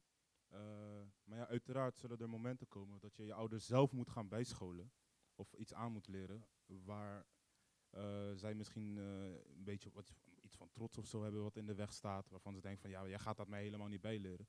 Hoe gaan jullie daar eigenlijk mee om? Wie wilt daar als eerste op reageren? Vanja, doe maar. Ja, ik wil er wel kort op reageren. Voor mij had ik eigenlijk heel veel geluk, omdat mijn ouders zo open eh, stonden voor, voor mij. Dus ik, heb, ik ben daar niet echt, heb ik denk niet echt tegengekomen.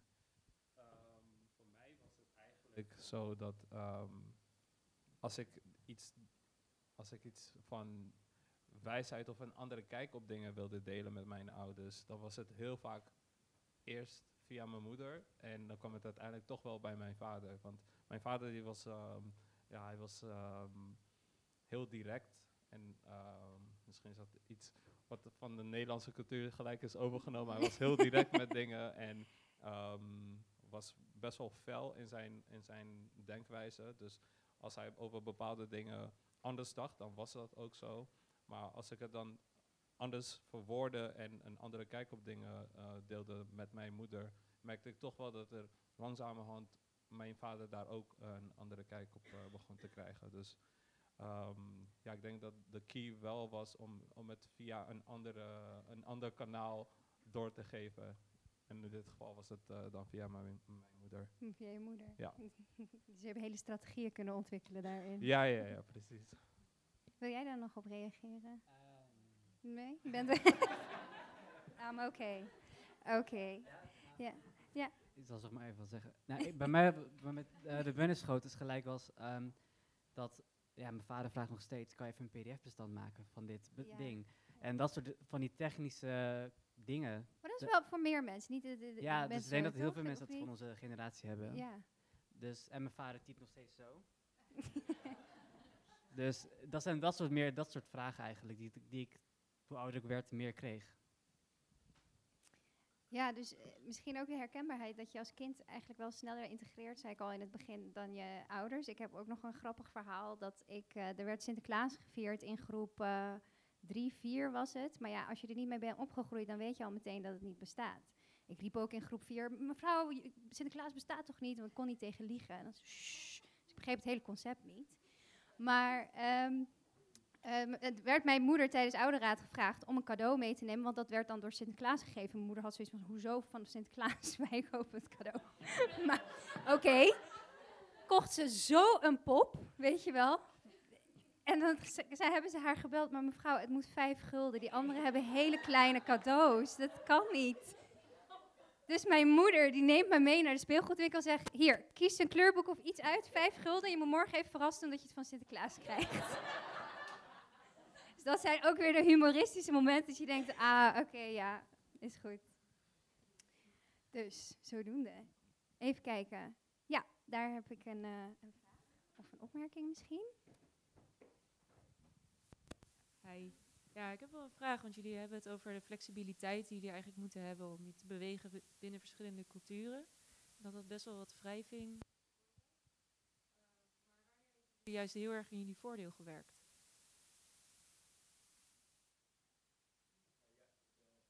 Ja, juist als je, ik weet niet, heb ik, als je zo twee culturen opgroeit, bicultureel, dus buiten Nederland, binnen Bosnisch, dan, ja, je leert dat er niet één verhaal is, niet één waarheid is, niet één cultuur, waardoor je de rest wat je in je leven tegenkomt beter in perspectief kan plaatsen of kan relativeren. En waardoor je minder eenzijdig naar dingen kijkt. En dat, dat vind ik echt een schat of zo. Dat, dat vind ik fantastisch daar helpt het mij heel erg in. Dus dat soort moeilijke dingen met Sinterklaas vroeger, of dingen die mijn ouders niet begrepen, of taal. Dat heeft me juist uiteindelijk nog rijker gemaakt. Juist doordat je die struggle ziet of zo, waardoor je anders naar de wereld kijkt. Dat vind ik echt tof. Wilt er iemand anders daar nog op reageren? Ja? Daar. Ehm, Oké, terugkomende thema's. eh, zowel schuldgevoel als een beetje zoeken naar je eigen identiteit, heb ik het idee. Ehm, zijn jullie al op jouw identiteit gekomen? En zo ja, wat neem jij daarin mee als je zelf ouder wordt? Wat is de identiteit die jij daarin in jouw familie wil meegeven? Want jij hebt het verhaal van je ouders gehoord, ja, jij bent dan de moeder. Maar ik sta everywhere. Eh, ja, hele goede vraag. Ik ehm, zou zeggen dat los van. ehm, je zou eerst denken dat je inderdaad een identiteit creëert na, na de hand, omdat je, je rebelleert tegen je moeder of omdat je er tegen in moet gaan en die schuldgevoel, et cetera. Maar ondertussen ben je ook je identiteit aan het zoeken als normaal persoon, los van dat hele vluchtelingenachtergrond. En ik denk dat ik eigenlijk oprecht nu pas op mijn 27-jarige leeftijd, of 27-jarige leeftijd, echt mijn identiteit heb gevonden. Ehm, wat, ik dat, wat ik mee wil geven aan mijn kinderen is ehm, eigenlijk die vrijheid om zichzelf inderdaad uit te pluizen, maar ook om wie papa en mama is, om het zo te zeggen. Want ze moeten wel weten wie hun vader en moeder is om zichzelf uiteindelijk eruit te kunnen halen. Ehm, ik had laatst nog iets heel moois gezien, dat wanneer je geboren bent, dan is je naam, je religie, alles is al voor je bepaald.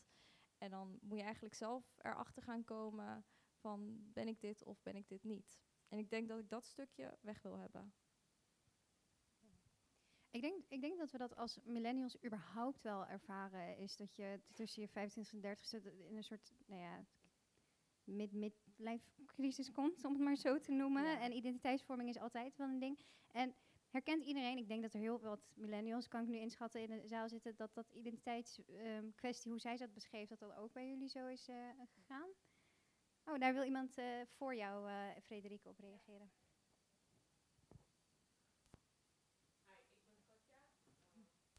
Staat die aan? Wacht, we gaan het even goed. Deze?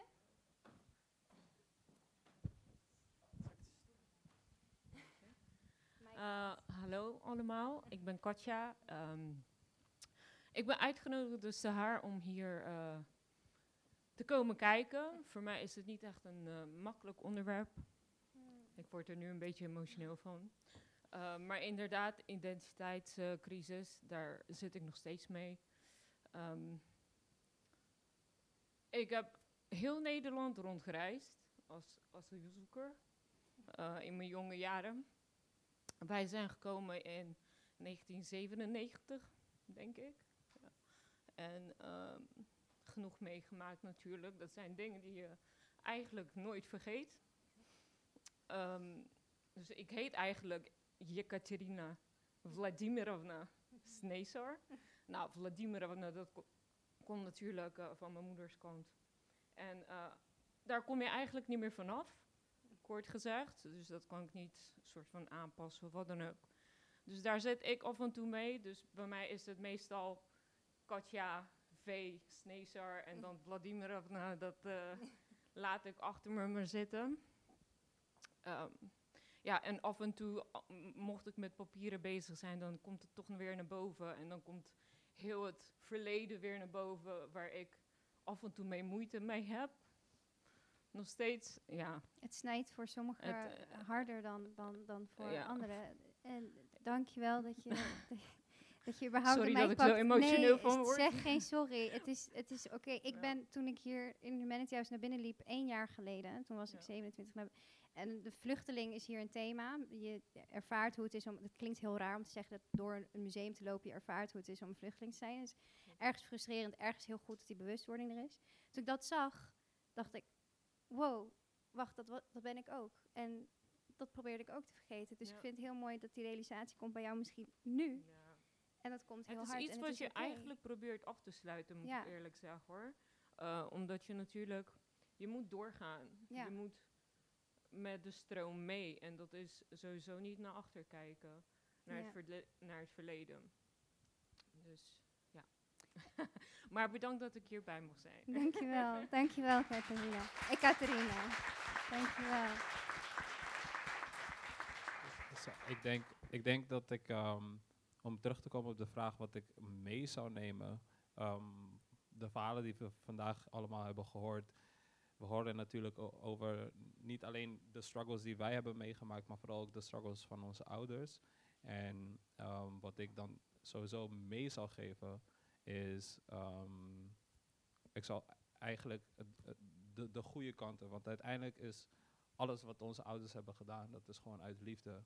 En um, zoals jullie ook allemaal hebben gemerkt, ook al bleek dat, leek, dat, ja, leek de toekomst een beetje somber, uiteindelijk omdat je ouders echt van je houden en zoveel hebben opgeofferd en van je blijven houden, is dat ook echt in principe een van de belangrijkste dingen die je aan ze mee kan geven. Gewoon liefde. En die moet gewoon onvoorwaardelijk zijn. Dus als je die meegeeft dan en een mens blijft groeien, blijft ontwikkelen, komt het allemaal toch wel uiteindelijk weer terug. En realiseer je later van oké, dit deden ze uit liefde en dit deden ze uit bescherming voor jou. Want bijvoorbeeld dat jij uit de kast bent gekomen voor in de Afghaanse cultuur. Ik kan me niet eens voorstellen hoe, hoe taboe dat is, snap je? En uiteindelijk was het misschien uit, uit boosheid, uh, de eerste reacties, was het gewoon uit, uit liefde, omdat ze je willen beschermen, snap je? Omdat ze niet willen dat, dat je wordt uh, bejegend of uh, beoordeeld. Dus dat zou ik meegeven. Dankjewel. Ja, ik wil er nog aan toevoegen, wat, omdat dat schuldgevoel komt zo vaak terug. En ik heb dat ook ervaren, maar ik had een keer daar een heel, eh, vond, vond ik goed en kort gesprek met mijn ouders over.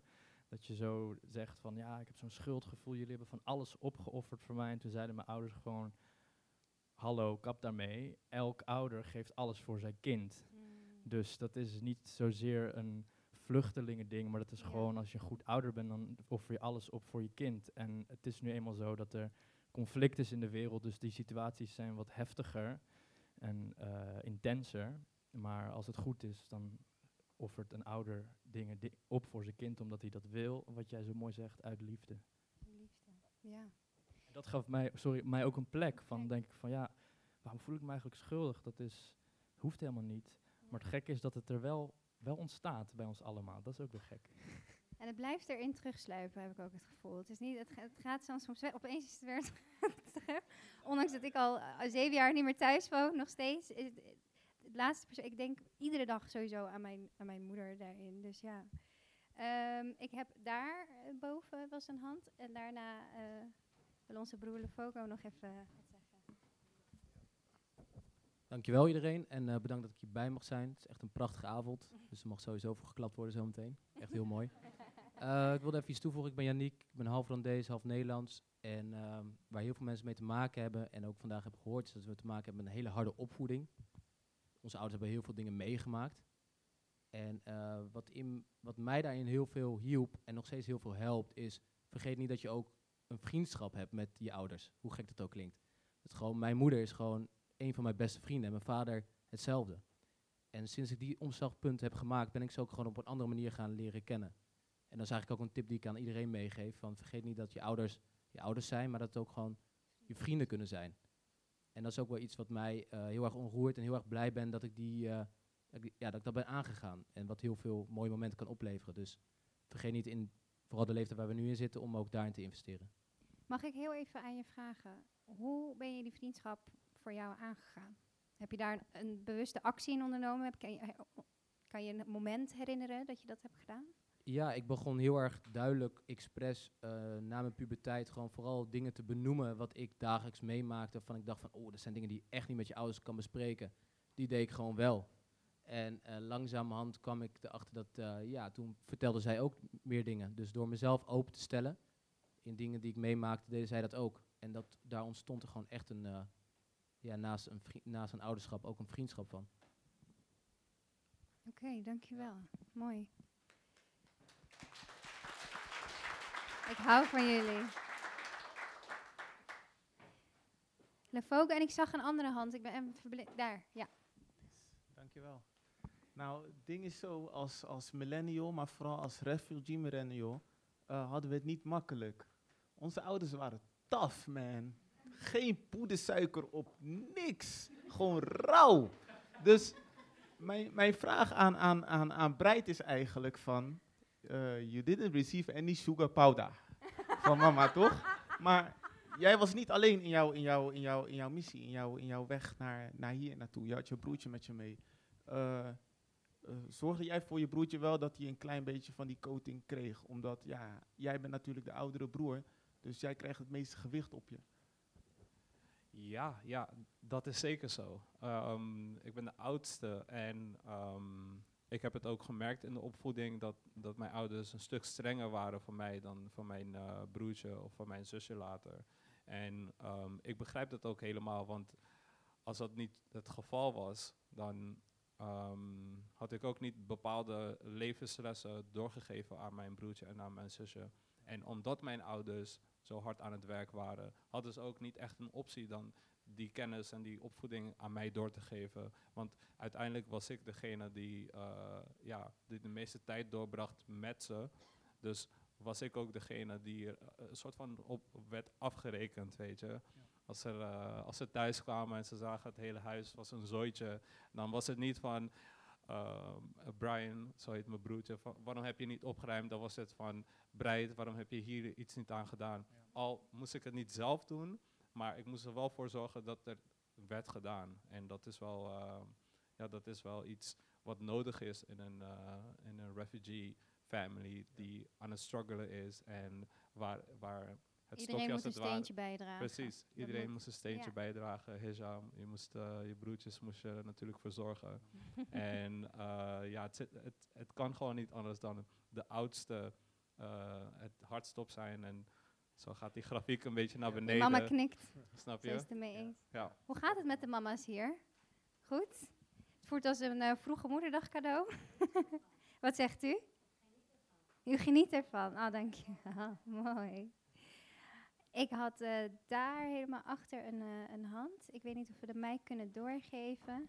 Goeie workout, Frederik. Let's go.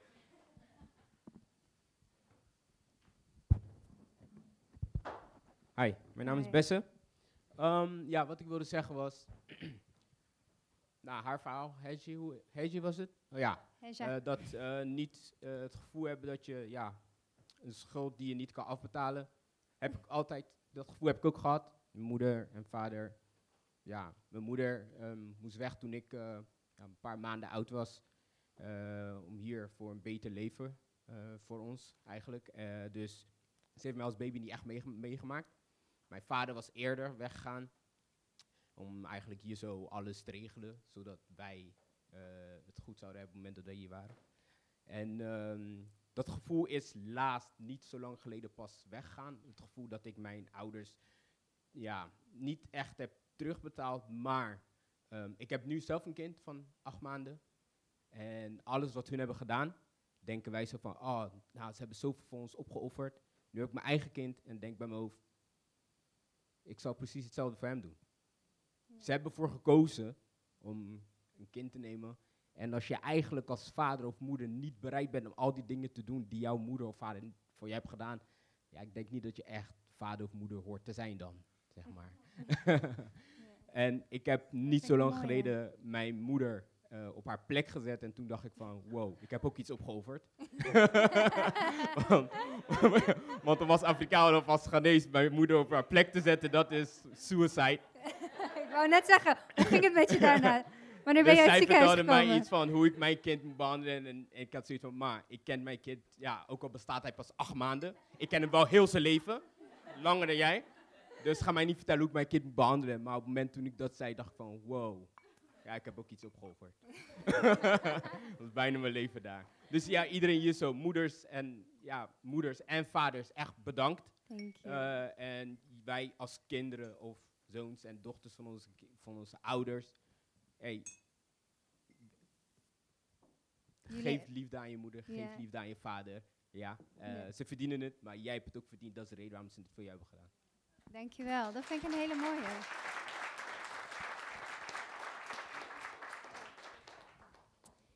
We gaan eh, een laatste vraagrondje doen, als er nog vragen zijn. Daar zie ik nog één. Oké, laatste drie. Check. Hey. Yes. Goedenavond ten eerste, mijn naam is Abdullah. Ehm, refugee millennial ook, 28 jaar oud. Ehm, nu ik de mic toch heb, wil ik ten eerste even gebruik maken van dank jullie wel. Jullie allemaal, dat was echt een heel mooie avond. Jij bedankt. En het is gewoon mooi om te zien hoe bij elke spreker een stukje herkenbaarheid. Ik, vind me iets terug in mezelf, in jullie verhalen. En dat is super mooi. Want kijk, als we kijken naar de titel Refugee Millennial, dat is zo'n niche. hè, 17 miljoen mensen in Nederland. Maar hoeveel mensen zijn nou echt refugees? Ik kom zelf uit Somalië. En hoeveel mensen zijn echt millennial? Mhm. Dus het is zo'n specifiek ja, categorie. En hoeveel mensen hebben moeders die echt letterlijk alles voor hen hebben opgeofferd. Dus dat is heel mooi. Ja, ook dank, dankjewel Saar. Het is mijn tweede keer dat ik hier ben. En de komende paar keren in 2020 ga ik het ook sowieso eh, bezoeken. Ehm, en ik had nog een vraag. Ehm, want we hebben natuurlijk heel erg gefocust op onze moeders. Maar het is ook refugee millennial. En mijn vraag was, we zijn allemaal bicultureel, hè? Afghaans, Nederlands, Rwandees, Nederlands. Hoe hebben jullie moeders hierbij geholpen met het vinden van een balans tussen beiden? Is, is dat gelukt volgens jullie of zijn jullie nog zoekende? Ik was daar erg benieuwd naar. Dankjewel. Bijdragen van het terugvinden van je, of het kunnen behouden van je cultuur of dat stukje. Ja, zeg want het is natuurlijk altijd de worsteling die je hebt. Hè, Ja. Van, van ben je nou Nederlands, ben je nou hè, van een ander land of hoe zit dat? Ja, dat vind ik een goede vraag. Ik ga één van jullie laten beantwoorden. Wie wil daar graag op ingaan? Tenzij een andere persoon zegt ook, ik wil. Ik hou, ik hou hem heel kort. Ja. Allebei. ik, ehm, Ik denk dat ehm, ehm, een van de gouden regels die mijn ouders hadden ingevoerd thuis was dat we thuis rondé spraken. En als je rondé spreekt, dan dat is eigenlijk zo met elke taal. Dan, dan blijft een stukje cultuur en die eh, identiteit die blijft bij je. En dat heb ik echt gemerkt toen ik ongeveer eh, drie jaar geleden weer na tegen jaar terugging naar Rwanda voor het eerst. En ik de taal sprak, was iedereen van, oh, we waren nog helemaal aan het oefenen in het Engels, hoe we tegen jou moesten praten. Maar dat hoeft niet meer, want je spreekt de taal nog. En omdat die taalbarrière niet is, hou je toch nog dat stukje van, eh, ja, je herkomst hou je dat nog eh, in je. Ja, thank dat is mijn antwoord op jouw vraag. Ja, hetzelfde met betrekking tot taal. Thuis spraken we gewoon Koerdisch. Maar we zijn super patriotisch opgevoed, moet ik eerlijk zeggen. Dus het was elk jaar 21 maart nieuwjaar vieren met een groot Koerdisch vlag, Koerdische jurk aan. En eh, zo ben ik eigenlijk opgegroeid. Dus als we naar Koerdisch ook kwamen, kenden we ook heel de Koerdische geschiedenis. En hetzelfde bij Bright. Iedereen was like, "Oh, ja, je accent kan wat gekrikt worden, maar verder... eh, ja. Alright, dankjewel. En dan was er eh, daar nog eentje en jij had er nog eentje. Ja, eh, we zijn alweer bijna bij het einde van de avond. En je had me, Sahar, je had me net eh, aan het begin van de avond een vraag gesteld. En ik voelde bij mezelf dat ik dichtklapte. Eh, omdat je, je vroeg twee dingen eigenlijk. Je zei, eh, wat is een refugee millennial? En ik wilde zoveel dingen tegelijkertijd zeggen. En ik maakte het heel simpel. Ik legde gewoon uit wat een millennial, millennial was en een refugee. Dus echt, ik versimpelde het compleet. Eh, omdat dit ook super complex is. En dit zeg ik niet om, me, om een negatieve lading daaraan te geven, maar om als millennial. eh, ja, ik ben een, een refugee millennial, dus ik ervaar ook hoe complex het is.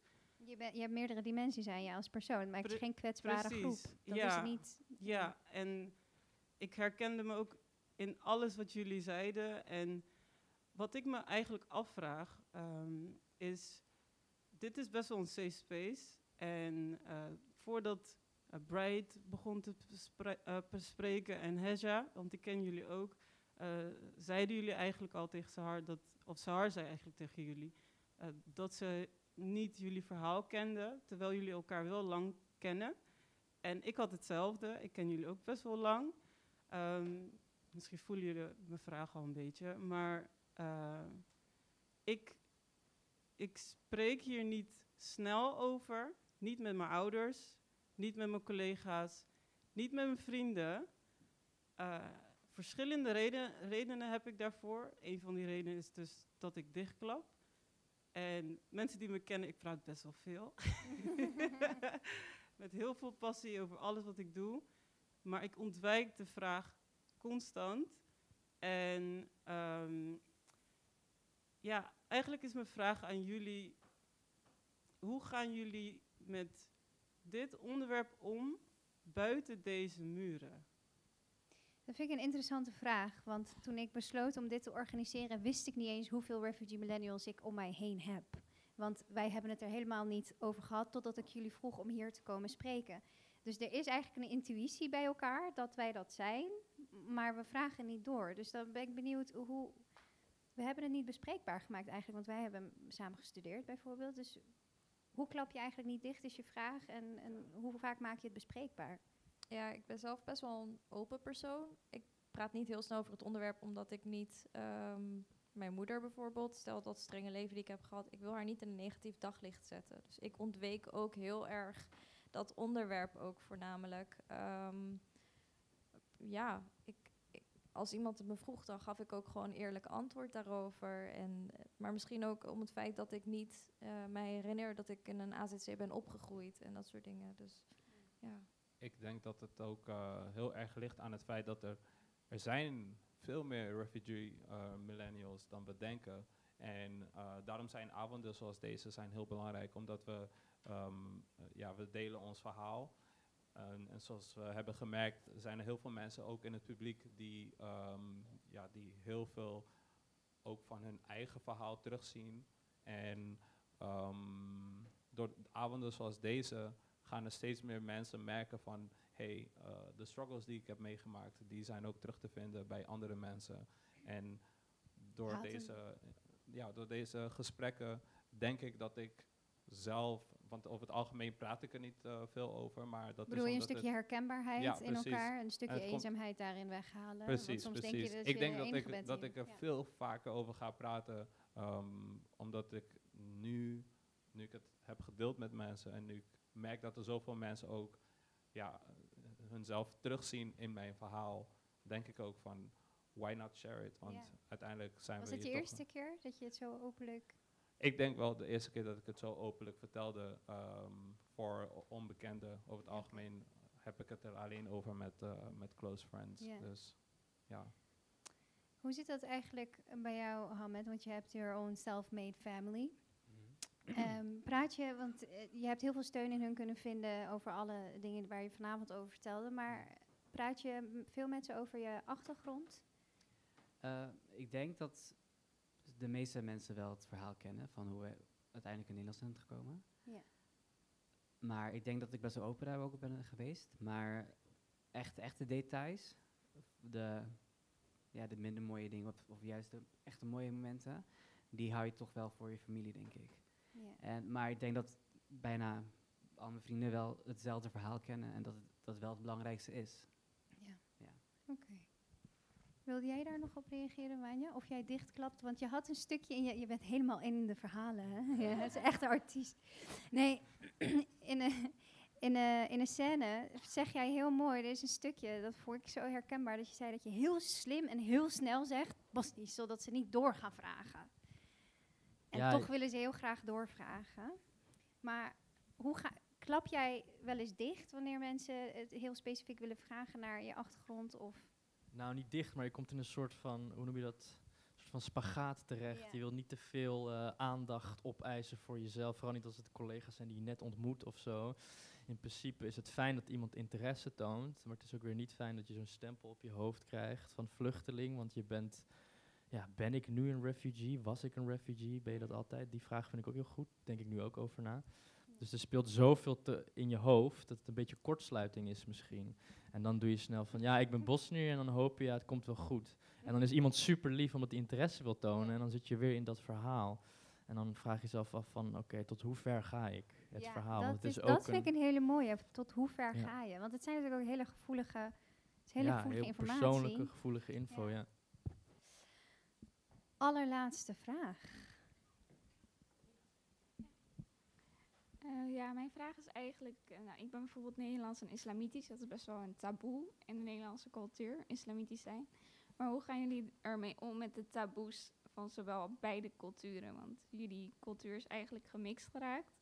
Dus jullie hebben van beide kanten de cultuur meegekregen. Maar bijvoorbeeld sommige dingen zijn bij in de ene cultuur een taboe, bij de andere kant heel normaal. Maar hoe gaan jullie er dan mee om als dat tegen elkaar keert? Ik heb gewoon familie in Koerdistan en ik deel gewoon mijn informatie. Ja, als ik weet dat ik daar negatieve reacties op ga krijgen, waarom delen? En er is nog niet naar gevraagd. En als ze naar vragen, geef ik het antwoord. Op een hele rustige manier. En ik heb geleerd dat het aan hun is om, ja, wat voor reacties ze geven, dat, dat is dan hun business. Ehm, ik, ben, ik blijf mezelf, als zolang ik maar gelukkig ben met wie ik ben, toch? Ja. So, don't ask, don't... not- Ja, oké. Ik kon hem even niet afmaken. Wilt iemand anders hierop reageren? Of zijn jullie, hoe gaan jullie met de taboes om vanuit... Zijn er, van de Rwandese cultuur, zij het vergeleken met Nederlandse, daar ben ik wel nieuwsgierig naar. Zijn er heel veel taboes daartussen? Dit zeg ik uit- vanuit al mijn onwetendheid. Ik weet niet- ik weet echt ja, ik, ik denk dat het. ehm, er zijn niet heel veel taboes. Maar ehm, hoe ik omga met die taboes en onwetendheid van mensen is door gewoon ehm, met ze te gaan praten.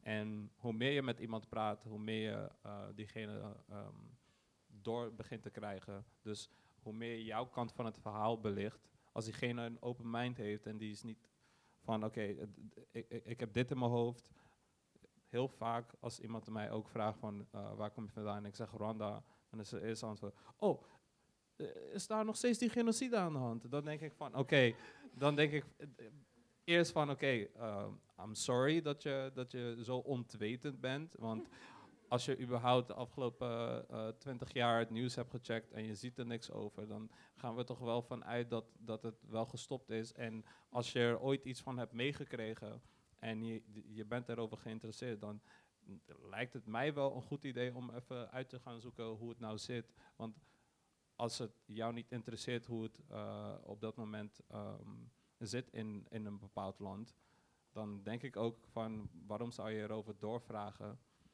Maar ja, die, ja hoe mensen zich, ehm, zichzelf terughouden en eigenlijk vragen stellen omdat ze eigenlijk bang zijn dat, dat, ze, eh, dat ze de verkeerde vragen stellen. Zo probeer ik me altijd ook gewoon hun, ehm, hun die vragen echt gewoon eh, te gaan stellen en ze te gaan prikkelen en ze mijn verhaal duidelijk te maken, zodat zij Dus open blijven. open blijven en ook Ja. gewoon verder aan andere mensen, ehm, ja, die gaan het voor mij ook corrigeren. Want Ja. als zij iemand anders tegenkomen en die komt uit Rwanda, Je wilt niet dat dezelfde fout zich herhaalt bij Precies. iemand anders van jouw afkomst. Precies. Dus daarom denk je, ik pak het gelijk nu. ja, educate them, zeg Ja. ik altijd. Ja. Want als jij dat doet, doen zij dat Maar bij andersom anderen. gebeurt het natuurlijk ook. Het is niet altijd educate them. Ik bedoel, ik weet, ik weet ook, ik stel die vraag aan jou omdat ik het oprecht dan niet weet. Mhm. Maar jij kan weer van mij heel veel leren over de Ja, Afghaanse precies, cultuur. Dus precies. het is een vice versa. Dit, is precies wat En ik bedoel. Als je met elkaar praat, dan, ja, dan kom je te weten hoe het nou echt zit. Dankjewel. Ja. Ja, ik moet heel streng zijn, want het is best wel een lange zit. Dus we hebben onze laatste vraag al gehad, sorry. Ik weet dat het een dialoog was, maar er moet ooit een einde komen. Ik weet dat het altijd, waarom gebeurt het altijd bij een publiek? Dat het aan het einde loskomt, jongens. Doen we volgende keer niet meer. Maar je kan je vragen stellen zometeen, want we hebben hierna een borrel. Dan kunnen jullie al je alle persoonlijke vragen nog aan de Refugee Millennial stellen. We hebben nog één hele korte, ik zal haar maar een eh, toetje noemen. Ik vind haar ook echt een toetje.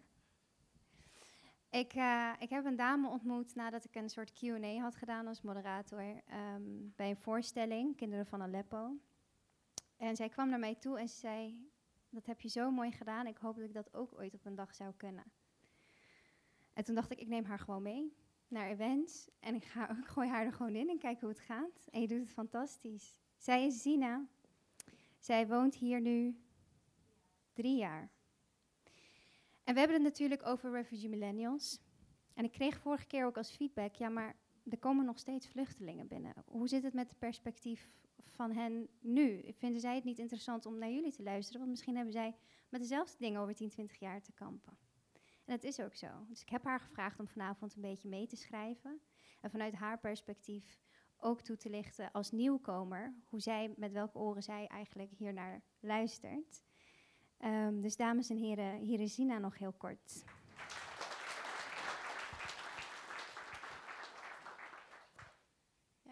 Goedenavond allemaal. Eerst wil ik Sahar bedanken dat zij mij uitgenodigd heeft. Ik had eh, iets geschreven en alles met Sahar besproken, maar ik besloot nu om iets anders te zeggen. ja, eigenlijk wat, ik, wat wil ik zeggen dat hoe de refugee millennium streng zijn. Alle die vragen die, eh, die heb ik nageluisterd, was afgerond met een succes. Ze hebben wat ze wil gedaan. Ik ben, ik ben nog drie jaar hier in Nederland. Ik ben nog net begonnen met eh die struggles die ze hebben. Met mijn ouders, met mijn moeder vooral. En het heeft echt eh, een groot invloed op mezelf, op mijn ideeën, mijn meningen. Ik kan mijn ouders niet begrijpen. Mijn ouders kunnen mij ook niet begrijpen. Maar nu zie ik wel dat ik iets in de toekomst kan doen. Die, alle die mensen hebben wel iets gedaan. Ik, had de, ik, ik was alleen maar 17 toen ik naar hier kwam. Ik ben nu 20. Eh, in, de, in die drie jaren heb ik een nieuwe persoon in mezelf gevonden. Niet alleen de verlegen meisje die alleen maar eh, thuis zit en niets doen. Alleen ja zeggen eh, aan haar ouders. Maar in krachtig, m- in krachtig die kan ook nee zeggen. En dat mijn moeder wil niet eigenlijk. Ja. Dus ja, ik, ik had de kracht nu om eh, nog krachtiger te zijn en nog mijn meningen te verdedigen en wat ik wil doen. Ik had altijd die schuld Al- altijd. Dan voelde ik me schuldig omdat ik nee zeg tegen mijn ouders. Eh, ik, was, ik was nooit eh, guld- geduldig. Ik wilde altijd wat ik wil doen. Maar nu, ik hoorde die dingen die hebben gezegd en zeg, oh ja, misschien na tien jaar of twintig jaar vind ik mijn identiteit. En word ik de persoon die ik wil, niet mijn ouders willen. Ik had altijd die probleem met mijn moeder dat ik eh, eh, met, een, eh, met, met een jongen die uit Algerije komt.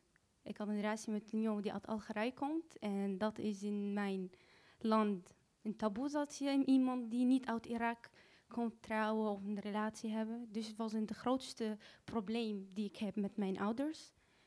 En is het nu toe zo. Eh, met mezelf dacht ik, eh, ik, ik ga nooit dat doen. Ik ga nooit met, eh, met, die, met die persoon zijn. Met mijn, dat, mijn ouders willen dat niet. Maar wat wil ik echt van binnen mijn hart? Dat ik hou van die persoon en, die, en, ik wil met die persoon zijn. En nu, na ik mijn hezen geluisterd, heb ik nu de kracht om tegen mijn ouders te zijn. Zeg nee. Nee. ja. Zij heeft gewoon iemand die ook niet moslim en komt uit Bosnië getrouwd. Ik- de mensen die ik heb, zijn ook moslim. Dat is veel makkelijker dan. ja. Dus ja, die, die, die verhalen geeft mij echt eh, een kracht en heeft iets binnen van mij iets gedaan dat, dat ik kan zeggen dat nu kan ik echt iets doen. Ik moet, ik moet geduld, meer ge- geduld hebben. Ik, ik kan nooit het alles terug aan mijn ouders betalen, maar ik kan wel dingen doen die laten ze ook trots op mij zijn.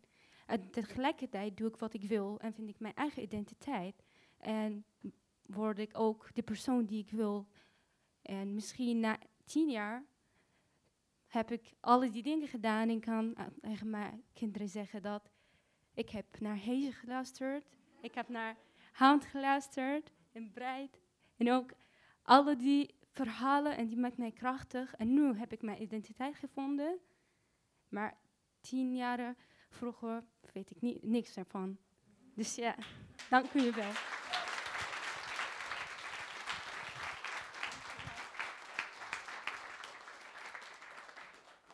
Ik zei toch dat het een toetje was? Ja, dames en heren en alles daartussen. We zijn eh, aan het einde gekomen. Wat een verhalen. Of bijna complexiteit kan je zeggen. Wat een mooie complexiteiten kan je zeggen. Dat doet je bijna denken, of nee, dat deed mij denken. Wie zijn dan onze kinderen? We hebben natuurlijk eh, daar twee ouders gehoord. Besse, Ghanese, Wendy, Nederlands. Daar is weer iets voort uitgekomen. Bosnisch en Koerdisch. Rwandees. En waar kwam je vriendin vandaan? Oh, die is ingewikkeld. die heeft vijf nationaliteiten. Ja, Indonesië, Australië, Japan. We zijn door de China. tijd heen, we gaan door. Even uit nieuwsgierigheid, Vanja, waar komt jouw vriendin vandaan? Ik ben onlangs getrouwd en ze is Zuid-Koreaans. Bosnisch en Zuid-Koreaans, kijk eens aan. En ik ben uh, Afghaanse en ik ben met een uh, Curaçaoenaar.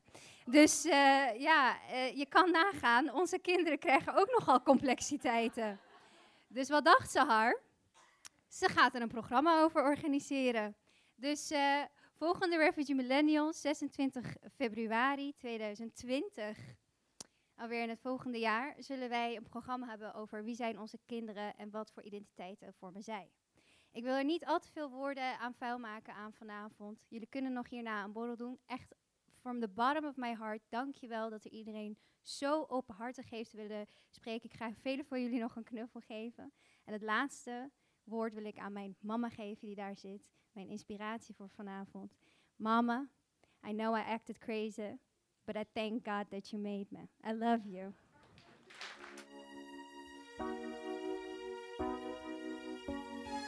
You all appreciate it. When I was young, me and my mama had beef, 17 years old, kicked out on the streets. Though back at the time, I never thought I'd see her face. Ain't a woman alive that could take my mama's place. Suspended from school, I'm scared to go home. I was a fool with the big boys breaking all the rules. Shed tears with my baby sister. Over the years, we was poor than other little kids. And even though we had different daddies, the same drama when things went wrong, we blame mama. I reminisce on the stress I caused. It was hell, hugging on my mama from a jail cell. And who thinking elementary? Hey, I see the penitentiary one day. Running from the police, that's right.